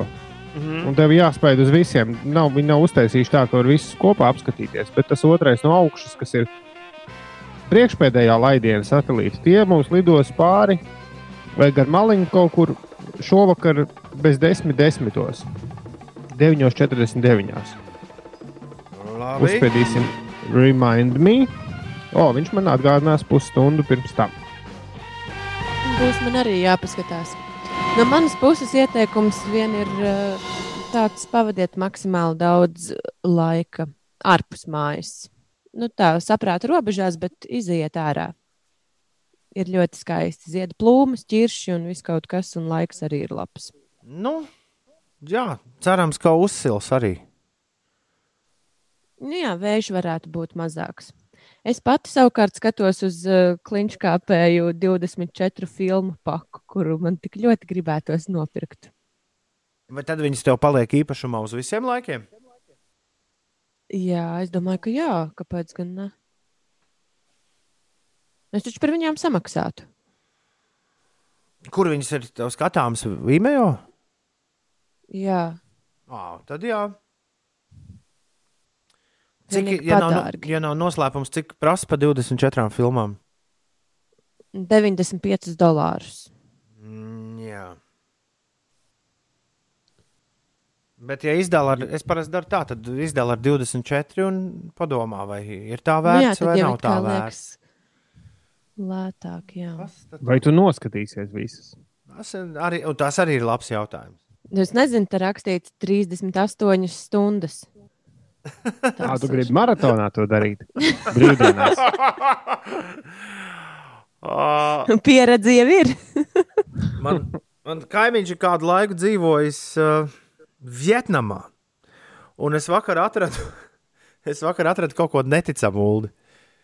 Vi- Vietnamiešu pirātisko disku boxetu.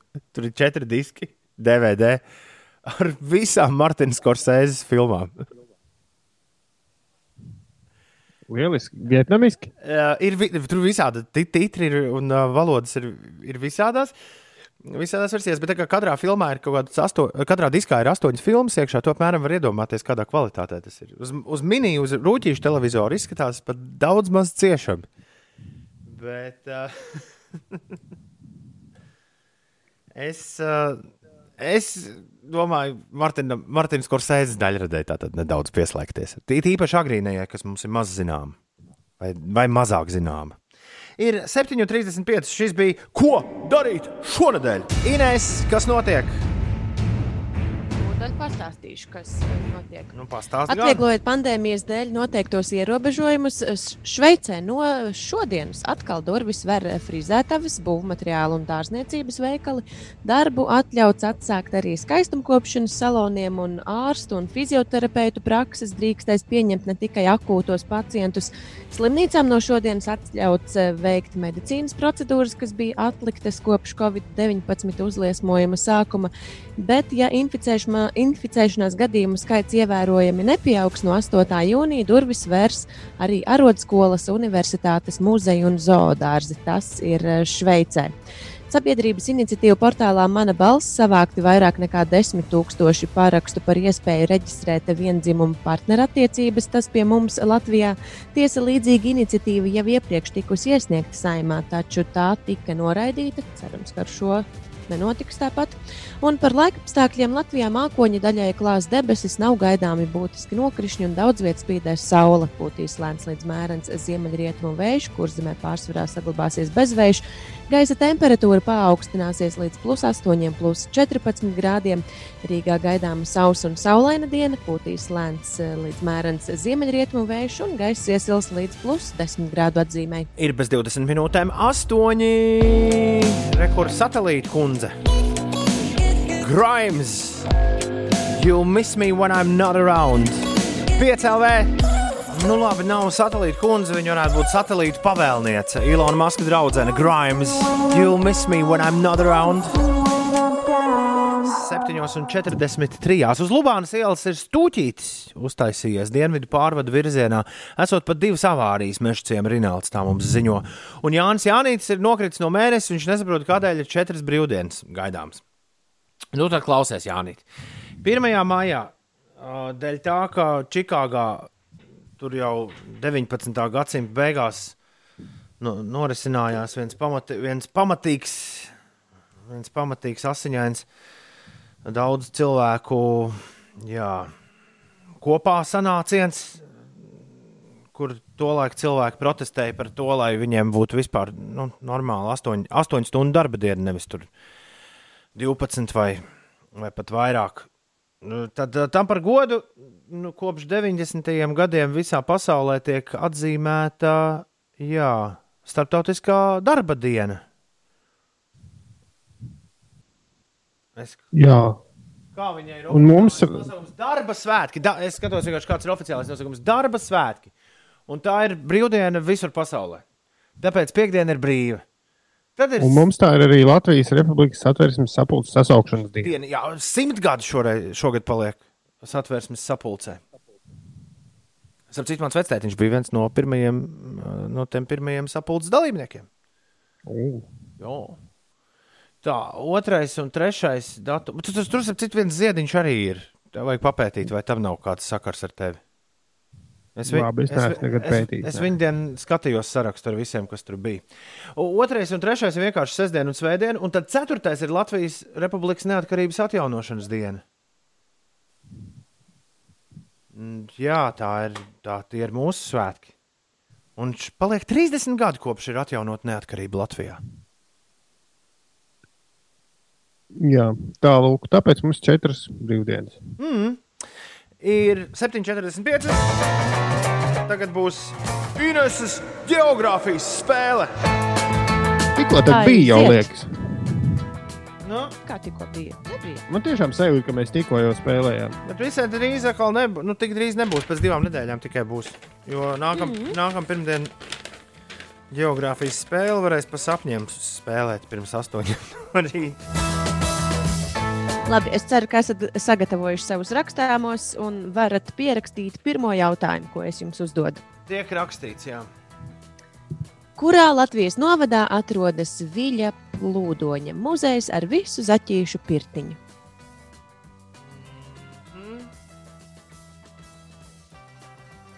Tā. Es ceru, ka ir pierakstīts. Yes. Otrais jautājums. Ar kādām valstīm robežojas Andora? Lieliski. Nosauciet Luksemburgas oficiālās valodas. Okay. Tās ir trīs. Es pateikšu mazliet priekšā. Okay, Viens no mums tur ir bijis vairākas reizes, ja nemaldos. Vienu vairākas Jā. reizes. Ar vilcienu plēto pabrauc. Uh, ceturtais jautājums. Valsts, kuras teritorija pilnībā atrodas Alpu kalnos. Tātad visa valsts ir nu, Alpos. Alpu kalnos. Jā. Un Un piektais jautājums, pavisam viegls jautājums. Kuru Hansa Kristiāna Andersena pasaku tēlu var redzēt Kopenhāgenā? oh, cik mīļi. Cik mīļi. Tas tā, lai nebūtu nulle, ja nevienam. Laikam. Mm -hmm. Labi, paldies. Jautājumi ir piefiksēti. Dons uzdziedās par to, ka viņam ir pa ceļam ar mums visiem. Un tad mēs atgriezīsimies ar atbildēm. Jūs varat Inês iepriecināt un arī atsūtīt savas atbildes uz 293, 1202. Mēs ar Ulu tagad neskatāmies iekšā izziņu mašīnā. Ineses geogrāfijas spēle! Laiks atbildēm! Nu tā, Jā. No klausītājiem Edgars no Siguldas ir mēģinājis piedalīties. Uz dažiem jautājumiem viņam ir sanācis atbildēt pareizi, uz dažiem nē. Un Uldis. Toms man ir atsūtījis savu uh, atbildžu lapiņu. Uldis gan vēl nē. Bet uh, Uldis Uldis jau šķiet- nav tas, kurš smauktos. Jā, jā. Uh, Uldis ir tas, kurš nes uz veikalu atpakaļ naudu, ja saprot, ka ir netīšām 6 eiro nesamaksājis. Uldi. Uldi, Uldi, Uldi, Uldi, kā mēs šorīt noskaidrojam. Uldi, man liekas, tu vinnēji pagājušajā nedēļā. Jā, bija viens, trīs, Nu, re, trīs, viens. Normāls Rīgas Jā. dāmo uh, rezultāts. Nu, labi. Jā, un Tad Uldis diemžēl man ir. Labi. Nu? Kas tev ir, diemžēl? Nē, par pirmo jautājumu es saku, diemžēl, bet, nu, labi, Ines nolas. Kurā novadā, kurā Latvijas novadā atrodas Viļa plūdoņa muzejs ar visu zaķīšu pirtiņu? Un šis ir viens no tiem riebīgiem jautājumiem, kur atbilde es zinu, ka es zināju. Nu, kaut kur ir vai nu būts ekskursijā, vai nu lasīts, vai redzēts. Bet nav, tāpēc es teikšu Bauskas. Ne, nu skaidrs, ka tur ir būts, bet kur tas bija? Līgatnes novadā, es saku. Un šoreiz punkts arī ir Uldim, jo tas ir Bauskas novads. Jā, Ceraugsts pagasts, ja pareizi atceros. Ah, Jā. Jāatzīšos, ka es teicu Bauskas, tāpēc, ka es tu tur šobrīd esi. vajadzēja iedomāties. Bija ļoti taktiski precīzs gājiens. Ok, otrais jautājums. Ar kādām valstīm robežojas Andora? Ar Spāniju un Franciju. Man ir tas pats. Uldi. Jā, un Siguldas Edgaram arī ir tas pats. Un pareizā atbilde tā arī ir Francija un Spānija. Tās ir robežu valstis Andorai. No, Kādas tad ir Luksemburgas oficiālās valodas? Un te droši vien būs atkal tas, ka, ai, kā neienāca prātā, bet man ir rakstīts franču, vācu un flāmu vai beļģu vai kā nu viņi tur nosaukt. flāmu un beļģu. Es uzskatu, cik es zinu, flāmu un beļģu valodas ir divas dažādas valodas, tāpēc es saku franču, flāmu un beļģu. Par to flāmu valodu ir kā ir, jo nu, man avotos bija luksemburgiešu. Es gan pati nebiju e, īsti tādu vispār e, dzirdējusi, bet jā, franču, vācu un luksemburgiešu valodas. Vācu. Jā, franču un vācu. Un trešā tad ir Jā, Luksemburgiši, tā ir frankoniešu. Tad sanāk, ka. Uldis nav nopelnījis punktu. Nu, man ir divi no trījiem. Jā. jā, O, labi. No, lūk. Uh, valsts, kuras teritorija pilnībā atrodas Alpu kalnos. Lihtenšteina. Man arī likteņa. Uldi. Malači jums ir pareizas atbildes. Tā ir Liechtensteina. Uldis vienalga vinēs. Aha. Nu, un tad jā, jautājums par uh, tēlu no Hansa Kristiāna Andersena pasakām, kurš ir atrodams Kopenhāgenā. Septiņi pīlēni. Un Kāpēc tu tā dari? Kāpēc ne? Mazā nāriņa. Protams, ka tā ir mazā nāriņa.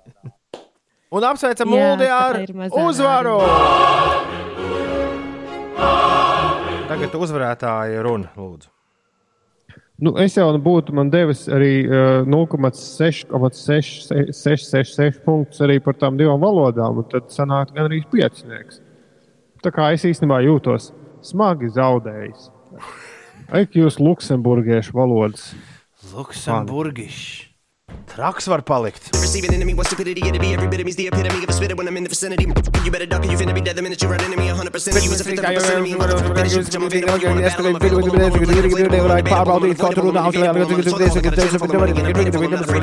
Ja pirmiem rītā mēs mēlam, tad neklausās, vai šī tāpat ir parunāta, nedaudz parunāta līdz Eminemam, parunāta plīru. Tas bija Eminems ar Godzilla. Toms, mans vārds brālis, raksta, kas tas bija? Eminems izklausās kaut kāds vecs palicis. Nu jā, gadi nenāk vieni.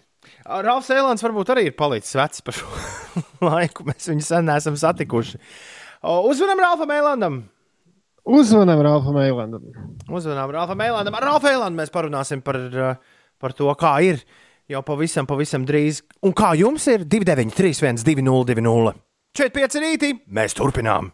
Es esmu, jā, vienīgais doma laukuma studijā. Uldis ir kaķīšu dzīvoklī, Inese ir, ne man jāiemācās staros, vai ne? Jā, rūtīšu mājiņā. I- Ines ir rūtīšu mājā st- kaut kur Baldonas pusē. Bauskā. Nu, labi, Bauskā. Nu, nu, nu, labi, Bauskā. Un Rāfs Eilants ir maskačkā. Labrīt, Rāf Eiland! Labrīt! Re, kā mēs te visi esam kopā jauki saslēgušies. Tu taču necelies šī kā agri tagad, šajos Es laikos. Nē, Paldies, ka piecēlies! Paldies, ka piecēlies uz radio! nu nav ko. Kā iet, ko, Ralf? Tā kā visiem pārējiem, es domāju, jā, sēžu mājās. Uh, Nu, jā, ko tu dari, sēžot mājās? es uh, cen, nu, cenšos kaut kā sevi nodarbināt. Man ir uh, arī kaut kādas darba lietiņas, no, notiek. Uh, bet tā, principā, ja es esmu ārā, tad es. Uh, Tad es esmu vienkārši izbraucis ar velosipēdu, lai iegūtu svaigu gaisu un tā tālāk, un tā joprojām. Jā, man skatos te televizoru, kaut ko palasu, paspēlēju plēsi. Tu esi grafiku sev uztaisījis, nu, teiksim, plēsis no 10 līdz 12, pēc tam no 12 līdz 2 Netflix, no 2 līdz 4. Uh, nē, tā, nē tā, tā, tā gluži nav. Vienkārši es, es svarīgi ir dienas pirmo pusi pavadīt pastrādājot, un, un tad, uh, jā, tad, kad ir izdarīts kaut kādas darba lietas, tad tu vari arī at, atpūsties, izklēdēties. Tad, kad viss šis sākās, un tad, kad bija skaidrs, ka vā, kaut kādu laiciņu, kaut kādu laiciņu tas viss arī būs, kurā brīdī tu sāki štukot jaunas idejas? Un vispār kādas bija tavas sajūtas? Tad, kad uh, tu saprati, ka visi tuvākie koncerti ir atcelti. Mm, sajūts bija diezgan nepatīkams. es, ā, es jau īstenībā pirms tā ārkārtas stāvokļa izziņošanas biju, nu, citu acīs es biju nedaudz paranoisks. Viņi teica, ka tas ir bijis pat raku, kā es reaģēju. Bet, nu, atklājoties jaunai informācijai, parādījās, nu, ka taisnība man ir, ka, ka, ka nu, piemēram, māksliniekiem tā situācija ir ļoti slikta, un lai arī mēs visādus pasākumus esam pārcēluši uz vēlāku datumu, man jau ir bažas, ka nenotiks publiski koncerti šo, šogad visu gadu, un pat kino teātri un, un, un, un, un, festivāliem vispārējo mēs varam aizmirst.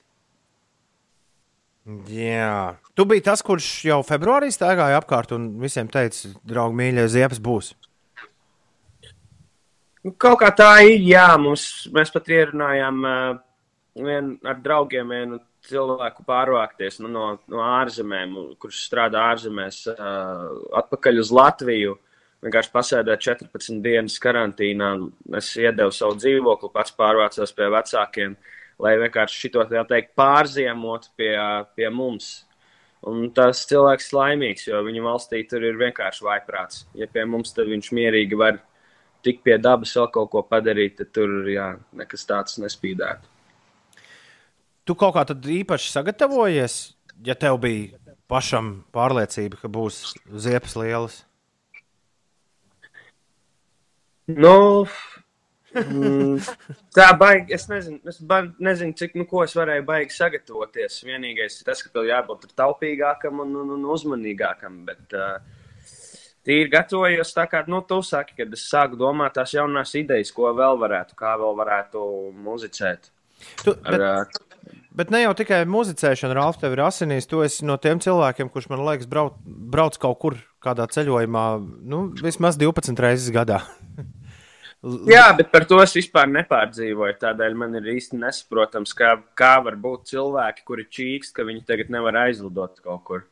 Uh, ja tas nav pie tavas mīlestības radinieka vai kādu, kur tev tiešām vajag satikt, kad vienkārši tavās atpūtas pēc, kā tu vari pārdzīvot. Jo es jau sen šo ideju esmu izslēdzis, un es nevaru iedomāties, ka man tagad baigi vajadzētu kaut kur braukt, sauļoties vai citu darīt. Nu, ir labi šeit. Kad man prasa, vai man nepietrūkst, es saku, bet visiem pietrūkst. Nu, tādā, Tur jau ziņā, tā nu, tādā ziņā, ka tas nav nekas ekskluzīvs, ka tagad tev tas ir noņemts nost vienīgajam, vai ne? Tieši tā, pilnīgi, pilnīgi visiem ir šī tā. Nu, labi, izņemot tad, kaut kādiem džedajiem, kuri vispār neievēro noteikumus un kuri dara, ko grib uz savu galvu, un varbūt vēl uzskata, ka tas ir pilnīgs muļķības un, un ne, neīsts. Nu, viņiem varbūt ir, viņi varbūt dzīvo citā pasaulē, un viņiem ir, ir labi. Un uh, viņiem vienīgais ir nesaprotami, kādēļ viņi nevar tur aizlidot kaut kur vai kāzas tagad uztaisīt savējās, vai ne? Mm. Bet jā, visiem pārējiem, kuri ir apzinīgi un seko līdz tam, tas ir tā vienādi, jā, identiski. Uldi? Jā, čau, Ralf, te no Brāzas Čau. apgājums no dzīvokļa. Čau. Mēs esam attālināti saslēgušies arī. Man ir jautājums, vai tev ir uh, slepenais, melnais plāns B? Nu, es, es arī kā mūziķis es spēlēju vingrinos visu kaut ko, bet, bet tajā pašā laikā nu, visu laiku kaut kur fonā arī vēl kaut kādas idejas par kaut kādām profesijām. Nu, vai, vai tev ir kaut kāds uh, slepenais talants, par ko mēs neko nezinām? Kaut kāds. Um, nu, slepenais talants man. nu, es nezinu, es zinu, es esmu izklaides industrijā, un es esmu rakstījis tur uh, scenārijus šā, šādiem tādiem notikumiem, un arī pats kaut ko kameras priekšā pavadījis. Bet tā, vai man būtu kāds mm, baigs slepenais plāns, B, nav. Nē, nu vienkārši, ja būs tādi apstākļi, kur ir uh, visi iet uz grunti, nu tad darīs to, kas ir jādara. Nu, Kas ir tas, kas ir jādara? Vedīs picis cilvēkiem. Kaut vai. Ko tu gribētu Bet darīt? es domāju, ka līdz tādai situācijai nesanāks nonākt. Bet Katrā ziņā es esmu gatavs visam. Jā, bet tu esi izdomājis jaunu, jaunu ideju.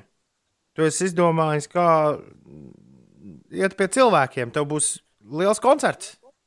Cerams, liels. Tieši tā, nu, redz, es negribu būt tādā dīkstāvē, vai tur kaut ko dzīvot uz pabalstiem, vai, uh, vai čīkstēt un neko nedarīt. Tāpēc uh, es gribu arī, uh, lai maniem mūziķiem arī ir ie- iespēja ar muzicēšanu nopelnīt un galu galā, lai mēs vienkārši varam muzicēt. Un, ja tāds, tāda opcija mums ir, tad mēs to ar lielāko prieku izmantosim. Un tādēļ mēs esam eh, izdomājuši pirmo online koncertu taisīt. Tā būs koncerta sērija. Ir uh, viena liela brīnišķīga studija, kur tieši speciāli uh, tiek apdarīta teikt, šādam, šādam pasākumam. Un, lai tas būtu daudz interesantāk nekā vienkārši, hei, mēs nofilmējam telpu, kurā, kurā, kurā mēs spēlējam laivā. Tad mums ir arī gaismotājs, padomājis par gaismām un vizualizācijām.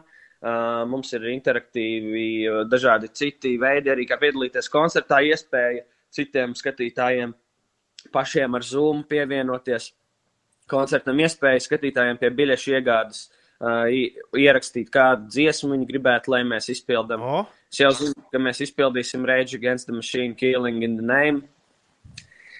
Jo jā, tas bija favorīts uzreiz visiem no skatītāju ieteikumu. Un uh, mani grupas biedri ļoti laimīgi, ka to vajadzēs spēlēt.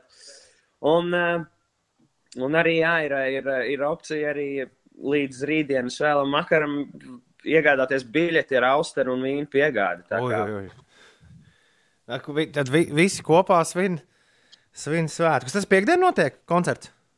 Koncerts notiek tre, trešdien, 29. aprīlī, eh, 19.30. Mīt un grīt iespēja arī, jā, Wow. nu, iespējams, mēs vēl kaut ko izdomāsim, jo, ziniet, ka šis, šis pilnīgi visiem ir jaunums. Un uh, jaunums grupai, jaunums uh, komandai, kas stāv no- no tehniskās puses un, un, un arī skatītājiem savā ziņā jaunums. Tāpēc tās jaunās idejas top nepārtraukti. Un forši. Tā tam arī jābūt.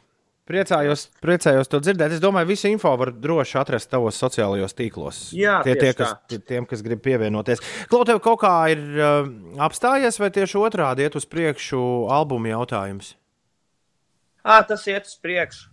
Tas ir, tā ir labā lieta, ko var vienkārši attālināti pamuzicēt, viens otram sūtīt šo to un, un, un darboties. Bet nekādus termiņus tu mums tagad neteiksi. À, nē, Okay. Labi, labi. labi, labi. Ralf, vienmēr forši ar tevi aprunāties.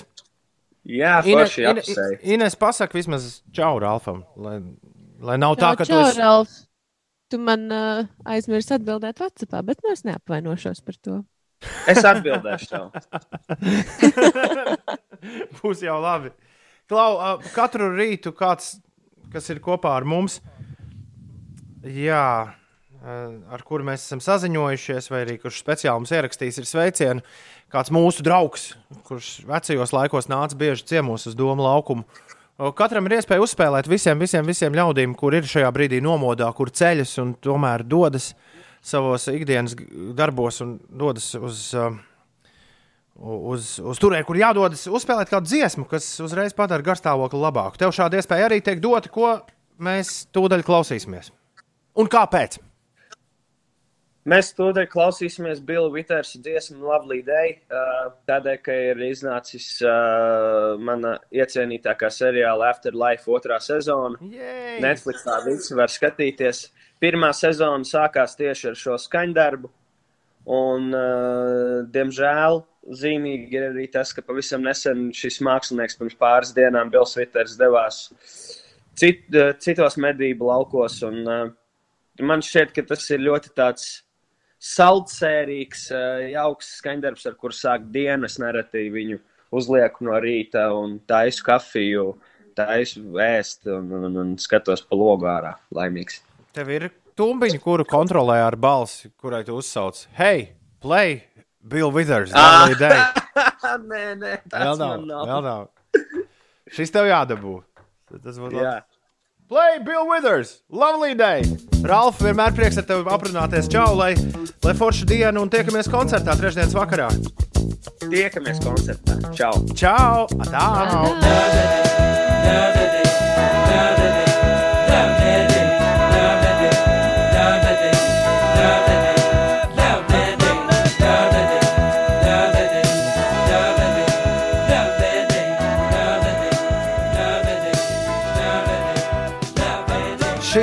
burvīgais skaņdarbs iekrita sirsniņā, klausoties Tomu 55 dziesmas labākam garstāvoklim. Paldies, Ralf, par uzmundrinājumu šorīt, tā rakstīja Ieva. Paldies, Rālf, raksta Kārlis. Šis kā reiz ir labs gabals, ar kuru atsākt darbu pēc atvaļinājuma. Jauku šo dienu. Un Oskars raksta perfekts rīta mūts, pa- mūts, tā kā no angļu valodas mūd. Paldies Rālfam par izvēli. Rīts ir sācies, lai saulaina diena visiem. Lovely day. Lovely day, lovely day, and lovely. Nu, ko uzliekam arī Rālfu pašu? Uzliekam, jā. Uh, Šo te ar Mārtiņu kopā. Bum, bum, ciki, bum, ciki, bum, ciki, bum. Un No rīta mēs šo nesam spēlējuši mūžīgi. Juhu! Man izdevās no UNAS dabūt pirmo rīta smaidu pateicoties šai dziesmai. Lai brīnišķīga pirmdiena, UNA! Lai brīnišķīga pirmdiena it visiem! Man ļoti interesē, Ulu, ko tu grasies darīt? Kāds ir tavs otrais plāns, tad, ja gadījumā ar mūziku vairs nekas nesanāks? Tu to pieminēji intervijā ar Rāfu. Tu prasīji pašam Rāfam, bet pats par sevi tu neizstāstīji. Nu, šobrīd mm, otro plānu var dzirdēt uh, ēterā. Nu, man šķiet, ka šis, šis jau ir mans otrais plāns. Jo mūzika šobrīd nenotiek, lai arī spēlēju vis- vingrinos. Tad, nu, tad Man ir liekas- jautājums, liekas, ka tu esi kaut kādu, kaut kādu privātu biznesa ideju jaunu iztukojis. Nu, īsti nē. Visu kaut ko varētu, visu kaut ko rakstīt, bet uh, tādas īsti idejas, idejas, ko darīt, nav. Uldis Ja varētu. desmit- Tu apsties, ka es redzēju, ka kaut kāda ārzemju čaļa šo bija darījuši. Uldis varētu Ines izdot tādas uh, veclaicīgas kartes ar saviem pastaigu maršrutiem. Uldis noteikti varētu. Jā, viņam pastaigu maršrutu ir diezgan daudz. Bet uh, man liekas, ar Uldi ir tā, ka nu, viņam tā situācija nav tik skaudra, kā citiem mūziķiem varētu būt. Tāpēc arī tās uh, domu lidojums uh, nu, netiek piespiests, kā saka, domāt pārāk tālu. Jo, nu jā, ir taču radio. Nu, jā, nu, ne, nu, jā, jā nu, līdzīgi tāpat kā man visi kolēģi, kas. Jo, jo kolektīvā, kuras spēlē, pārsvarā visi ir skolotāji, un, un viņiem viss notiek mm, attālināti, gan, bet notiek gan, gan, gan privātās nu, stundas video zvanā, gan vienkārši ir jāiesūta kaut kas ierakstīts, eh, mūzikas lietas, un tā kā mūzikas skolotājiem vismaz, vismaz viss notiek. Līdz ar to, jā, jā nu, arī nav tāda. Vien, vienīgi ir tas, ka daudziem šīs te, nu, gan mūzikas skolas, gan, gan visādi citi darbi bija mazākā ienākuma daļa. un Tagad tā ir, mm. sanāk, ka tā ir vienīgā. Mm. Bet, nu, zin, kā var jau taupīt, jau var visu kaut ko iemācīties. Slikta, tie, kā ir tiem, kam ir vispār ti- tikai mūzika bijusi, nu, daudzi draugi nav baigi priecīgie. Un tiešām domā par sākot no pārtiks izvadāšanas. Bet, ir, bet tas ir ļoti atkarīgs no cilvēka. Jo man ir viens kolēģis, labs mūziķis, kurš, kurš visu laiku visu kaut ko mēģina. Tad viņš tirdziņos saldējumu taisa. Tad viņš izdomā kaut kādu kafijas biznesu un visu kaut ko. Nu, ir cilvēki, kuriem vienkārši asinīs visu laiku kaut ko rosīties un domāt. Man liekas, ka tādu domu, nu, domāšanas veidu vajag šobrīd visiem. Es, piemēram, sestdien redzēju Čāli, kurš uh, ar velo, nu, tāds baristis, ap- nu, tas ka, milzīgs kafijas aparāts, uh, kurš uz, uzstūķēts uz velosipēdu. Nu, esat varbūt redzējuši tādus. Mm -hmm. Tāds trīsriteņu velosipēds, nu, principā pārvietojams kafijas bāriņš, bet mm. -hmm. nevis uz mašīnas, bet uz riteņa. Mm -hmm. Un Viņš bija aizbraucis diezgan tādā mazapme, mazapmeklētā vietā, Lilastē pie jūras stāvvietā, vienkārši stāvēja, tirgoja kafiju. Tur cilvēki brauc, noliek mašīnas un iet staigāt, tur plašs mežs tāds diezgan var nevienu nesatikt ilgi. A, tur čalis tirgo kafiju meža malā. Forši. Wow, bet Tā kā- iedomājieties, cik grūti to kafijas aparātu ar velosipēdu aizvest. Tad taču ūdens arī jāved līdzi. Mm. Tā sanāk, jā, no jūras ūdens nekas tur. to, ka, to kafiju tu diez vai gribēsi dzert. Ir pusdeviņi no rīta, Inês, kas notiek?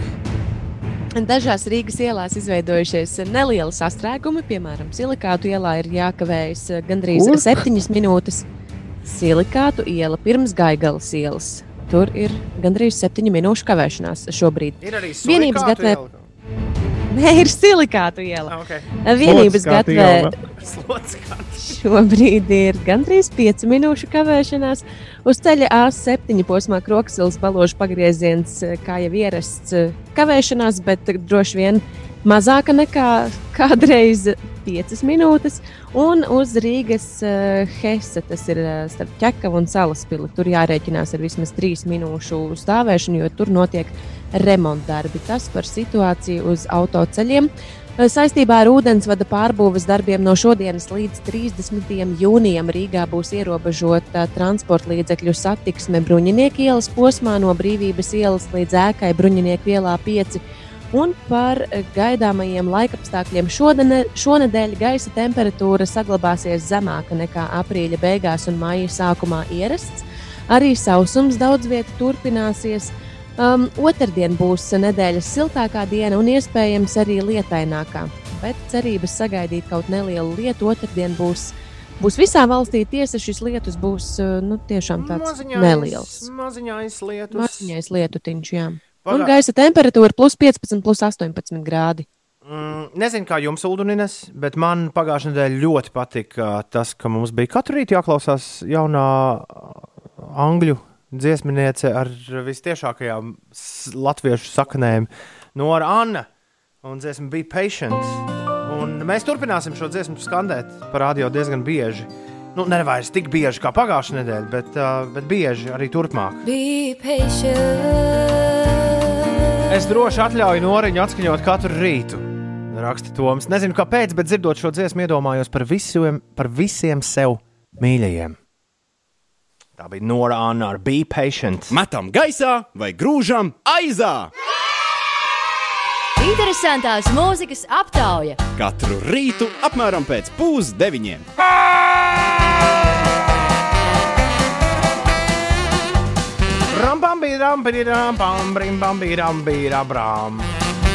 Cik reizes ir dziesma, kur mēs tūdaļ dzirdēsim gaisā mesta? Jau četras. Šodien iet uz piekto. Jā, šodien iet uz pirmo vietu kopā ar Zenanā. Wow! Atdod zapti un viltīgie mazie zaķi!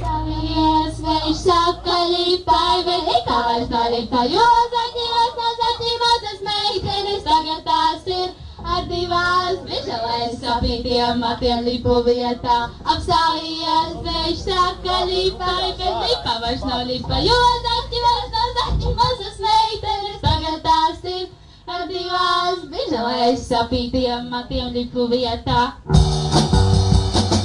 Nu, re, viss šis grāvējs pilnā garumā. Atdod zapti, viltīgie mazie zaķi. Ierakstīts Torņā buļļu kojās 97. gadā.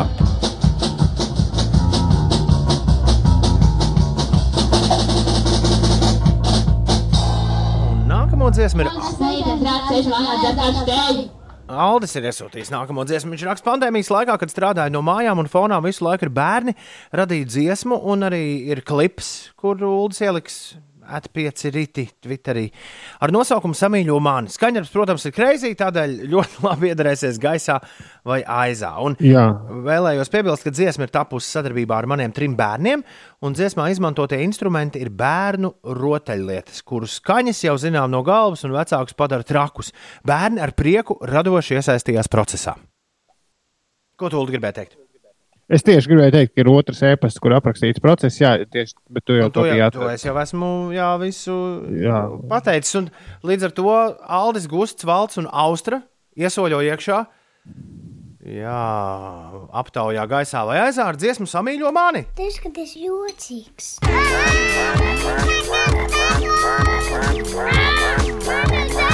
Nu, re, kārtīgam latviešu undergroundam pretī stājas normāla mājas psihadēlija. Pēc 29. Aldis Gusts valsts un Austrā gaisā vai aizā samīļo mani.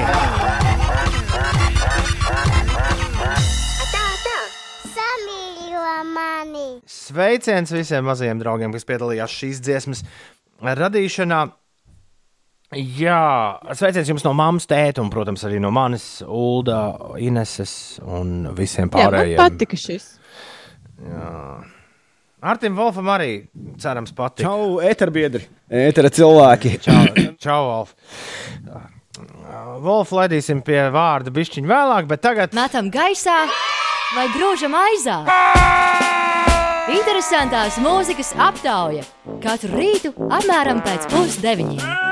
Dziesmu ieteikumus sūti uz rītēt 5.CLV. Jā, tagad ir žūrijai laiks teikt, kas tad nu šodien notiks. Samīļo mani vai viltīgie mazie zaķi? Kurš ies gaisā? Labrīt, radio! Halo! Kas mums zvana? Čau! Kas mums zvana? Čau, čau! Elīna! Elīna, ko tu dari no rīta?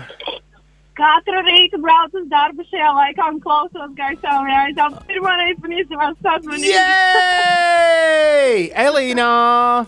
Nu ko? Man liekas, ka jāmet gaisā ir tie bēr, bērnu skaņdarbs pats labākais, ko es esmu dzirdējis šajā laikā. Super! Samīļo mani, iet gaisā, Elīna, lai brīnišķīga diena! Čau! Samīļo mani! Tā! Zeltaina kāja! Zaļa roka!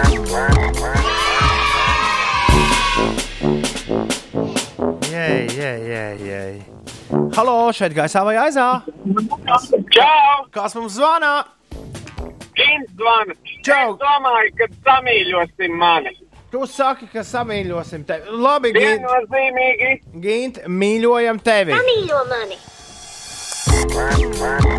Nu, re, līdz pirmajam pleķim zapte neaizgāja, jo uzrādījās samīļo mani.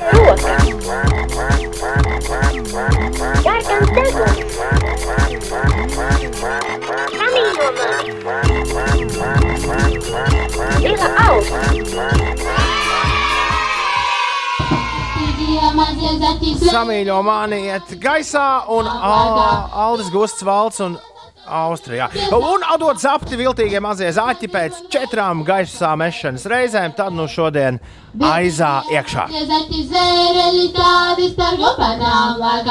Ierāpjas tajās atkal izrāpjas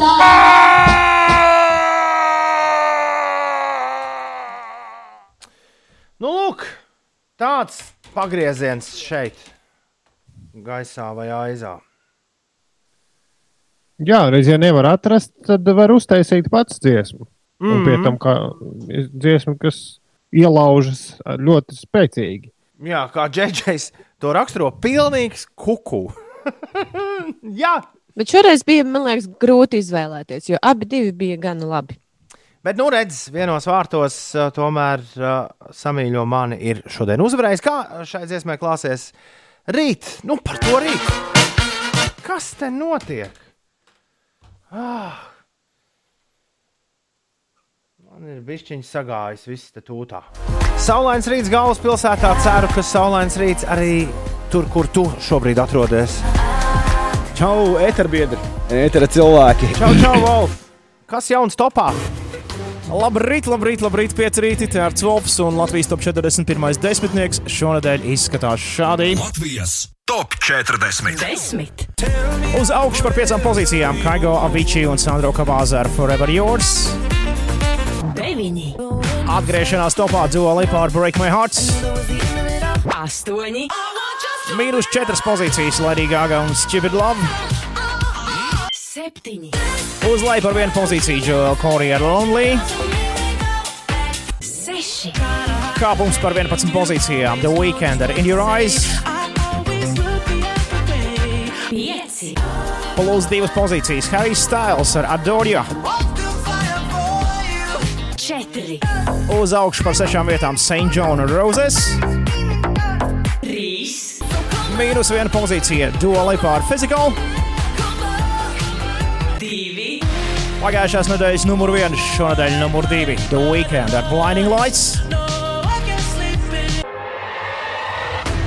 Un beidzot mums ir jauns numur viens, tā ir Doja Cats ar Seiso. Latvijas top 40. Numur 1.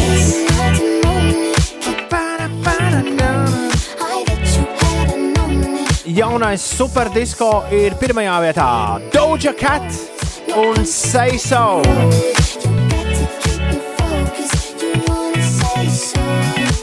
TikTok himna no Doja Cat ir numur viens Latvijā. Seiso. 8,51. Es saprotu, ka tajā Lubānas ielā ir pilnīgs drāņķis šorīt. Uz Lubānas ielas uz centra pusi avārijas. Vesels divas, viena pie kapiem, viena pie riepu garāžas. Kopš pulksteņa puses astoņiem mums raksta klausītāji, ka no turienes vajag izvairīties. Izklausās, ka šmucis patiešām liela. Ivēt no ērgļiem saka, ka viņi tur sēž jau desmit minūtes. Ui! Nu, tad beidzot kārtīgs sastrēgums pilsētā. Ko Dievs tas parāda, ko, uz ko Dievs tas norāda? Vai tas vispār uz kaut ko norāda? 8,51. Ines, kas notiek? Jā, Lubānas iela nav vienīgā vieta, kur ir šādi tādi sastrēgumi. Arī uzvaras bulvārī posmā no Vāciešu ielas līdz Slokas ielai ir eh, gandrīz 6 minūšu kavēšanās. Uz A7 posmā Krokas ielas balošu pagrieziens jārēķinās ar 7 minūšu kavēšanos, un citās ierastajās sastrēguma vietās izskatās gan eh, nu, tā visai mierīga situācija. Vēl akmens tilts uz centru ir nedaudz sastrēdzis, tur jāpavada 4 minūtes. Sabiedrības iniciatīva portālā Mana balss LV ir savākti vairāk nekā 10 tūkstoši parakstu par iespēju reģistrēt vienzimuma partnerattiecības. Līdzīga iniciatīva jau iepriekš tikusi iesniegta saimā, taču tā tika noraidīta. Atvieglojot pandēmijas dēļ noteiktos ierobežojumus, Šveicē no šodienas atkal durvis var frizētavas, būvmateriālu un dārzniecības veikali. Ja inficēšanās gadījumu skaits ievērojami nepieaugs, tad no 8. jūnija durvis vērs arī arotskolas, universitātes muzeji un zoodārzi. Bez Šveices arī Itālijā no 4. māja būs atviegloti koronavīrus pandēmijas dēļ noteiktie ierobežojumi. Cilvēki varēs pastaigāties parkos un apciemot savus radiniekus. Tiesa, radinieku apciemošana varēs notikt tikai sava reģiona ietvaros. Nebūs atļauts ceļot uz citiem valsts reģioniem. Un publiskās vietās obligāta prasība būs sejas maskas. 8,53. Jā, kas? Es tikko, O, ko? es tikko izmērīju pēc sastrēgumiem. Es ieslēdzu akmens tilta webkameru un uh, paskaitīju, jā, tiešām kaut kādas nepilnas 5 minūtes viena, viens smagais brauc pāri tiltam. Nu, var ļoti forši redzēt, kā tur viss kustas. Traki! Traki! Nu, īstenībā smieklīgi, kas tas par sastrēgumu. Jā, kurš Ņujorkā nav bijis. 8,53. Woo-ha, ho, ho, ho. Tāpēc jau tajās lielpilsētās to metro izdomāja.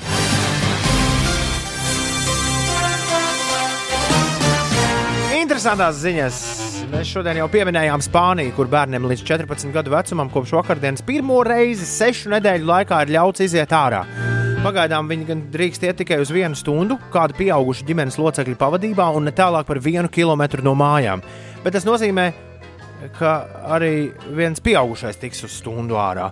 Un līdz šim vienīgā iespēja, kā pieaugušais Spānijā, kas ir, viens, kas ir viena no koronavīrusa vissmagāk skartajām valstīm, drīkstēja izkustināt kājas, bija vien iznesot miskastu reizi nedēļā, dodoties uz tuvāko veikalu vai izvedot ārā mājdzīvnieku. Kā piekdienas ziņoja Spānijas policijas Twitter konts Atpolica. Logroņo pilsētā Ziemeļspānijā ir aizturēts kāds kungs, kurš sēdēja uz soliņa, jo izvedis ārā savu mājdzīvnieku. Zivtiņu akvārijā. Diemžēl likumsargi bijuši nepielūdzami un kungam uzlikts sots, kā arī stingri palūgts turpināt ievērot karantīnas noteikumus. Jā, un akvārijas ir tāds, kā, nu, tāds kā filmās rāda, tāds mazs apaļš bundulītis ar vienu Nu, nelaimīgu iekšā. vandi, vanda tur iekšā. Ulds ir uzgājis, ka Latvijā kaut kāda censoņa rīko backyard ultra virtuālās skriešanas sacensības. Tu esi kaut ko Ines dzirdējis par backyard ultra? Nē, Tas ir ultramaratons, kurā jāskrien salīdzinoši smieklīga distance, proti 6706 metri. jeb 6,7 km aplis. Un tik dīvains cipars ir tāpēc, lai 24 apli sastādītu precīzi 100 jūdzes. Un galvenais backyard ultra āķis šīs 6,7 km distanci jānoskrien vienas stundas laikā. Ja noskrien ātrāk par stundu, tad atlikušās minūtes drīkst atpūsties, bet sākoties nākamajai stundai jāsāk skriet nākamie 6,7 km. Un tā tik ilgi, kamēr vairs, nav, kamēr vairs nevar iekļauties stundā. Un uzvarētājs ir tas, kurš noskrien visvairāk apļus. Šobrīd pasaules rekords eh, kungiem ir 68 apli, bet dāmām par vienu apli mazāk. Un, ja tev uznāk vēlme pamēģināt, tad pieteikties var lapā Supervaroņa LV un skrējiens sāksies 2020. gada 16. maijā, pulksten 8 no rīta. Bet, uh, kā sanāk, 6,7 km/h tas taču ir noskrienams vismaz pirmā stunda, vai ne? Tas ir pilnīgi mierīgi noskrienams, jā. Tas ir arī gliemeža tempā notipināms. Tas nav. Man kā reiz te laukos ir viens tāds aplīts, kurš ir aptuveni uz eh, tādu garumu, mazliet vairāk nekā 6 km. Nu, Padomājiet, Ulu, es piemēram vakar skrēju 6,7 stundā. Ja? Mm, Es pat, ne, es pat nezinu, cik tur tam ir uh, jābūt. Nu, es, piemēram, vakar noskrēju 8 km 51 minūtē. Ah, nu, tā- gliemeža tempā. Ja? Jā, tad tu gliemeža tempā skrienot, noskrien tos 6,7 km kādās 40 minūtēs, 20 minūtes sēdēt un dzert tēju. Un tad skriet nākamos. Bet, ziniet, ka tik viegli tas laikam ir. Nav nu, pie 68 pat ultramaratonisti. Sa, sa, tas man liekas arī psiholoģiski nav nemaz tik viegli. Nu, tu pēc tam varētu, kurā datumā tas sākas 16. maijā. Ja? Man kalendārs nav pie rokas. Tā ir sestdiena, es pieļauju. E, jā. Jā, tā ir sestdiena. Jā, tad tu pēc tam 18. maijā varētu viens pats to rīta radio vadīt. Kad mēs Ā, jo tu vēl skrietu, ja? Mēs arī nebūtu sākuši skriet. Un kā 68 apli vai ne? ir Rekords. Ā, ārprāt. Un Gan jau, ka Ines līdz kādiem 12 tiktu, un tad būtu beigti uz ilgu laiku. Bet tajā Bet dienā, padomā- Jāpamēģina. bet tajā dienā ir Eirovīzijas speciāls pa televizoru. un Man ir Bet padomā, 12 jākomentē, tas ir vairāk nevaru. nekā maratons. Nu, tas ir gan jā, jā. jā. Bet, nu, priekš kam turpinām, katrs skriet kā vajag. Tas, šis, man liekas, ir domāts speciāli tiem cilvēkiem, kas to arī, kas to arī riktīgi daudz dara. Labi, tas arī viss. Es pieļauju šodien interesantajās ziņās. Raidījumam arī beigas klāt. Jā, nu, tās gan tiesa pēc vēl pusotras minūtes. Tā, neaizmirstiet, ka šodien pulksten pustrijos Ines būs dzīvajā Instagramā. 5LV, 5 rakstot ar burtiem, tur ir jāmeklē rokā. Ines šodien stāstīs interesantas lietas par sviestu. Jā. Būs reāls. Kaut kāds sviests. Kaut kāds sviests. Pilnīgs reāli. sviests būs. Jā, pilnīgs sviests būs pulksten pustrijos. Tad Ines mācīs jums taisīt mājās sviestu, ja es pareizi atceros no Jā. visu no tā, kā tu stāstīji, kas un kā būs. Pēc tam citu mūsu Instagramā 5LV, jā, 5 rakstot ar burtiem, jūs varat arī apskatīties iepriekšējās lekcijas. Es esmu, piemēram, par platēm, par Bobu Dilanu stāstījis, mēs ar Magnusu skatījāmies filmas. Ulds stāstīja, kā mūziķa lietu pārvērst profesijā, par miegu un tā kvalitāti. Un Ines arī iepriekš ir stāstījusi par to, kā audzēt mājaugus. Tā kā Instagram televīzija, tur ir tāds televīzijas podziņš, un tur jūs varat uh, visu šo dabūt. Tādi skatāmie gargabali arī ar mūsu dalību tur ir atrodami. Tāpat uh, šo raidījumu jūs varat joprojām 24 stundas diennaktī klausīties mūsu interneta atkārtojuma mašīnā pie rīti.5.lv. Rīti5.lv. Viss raidījums bez dziesmām ir dabūjams arī visos podkāstu servisos. E-punkts uz Slimsvītra podkāsts atver to vaļā, un visticamāk, tavs podkāstu servis arī automātiski uzreiz atvērsies vaļā. Grēviņš, ziediņš un puķekā būs apakaļ rīt no rīta, bet pagaidām mēs sakām visu labu! Atā! Tā!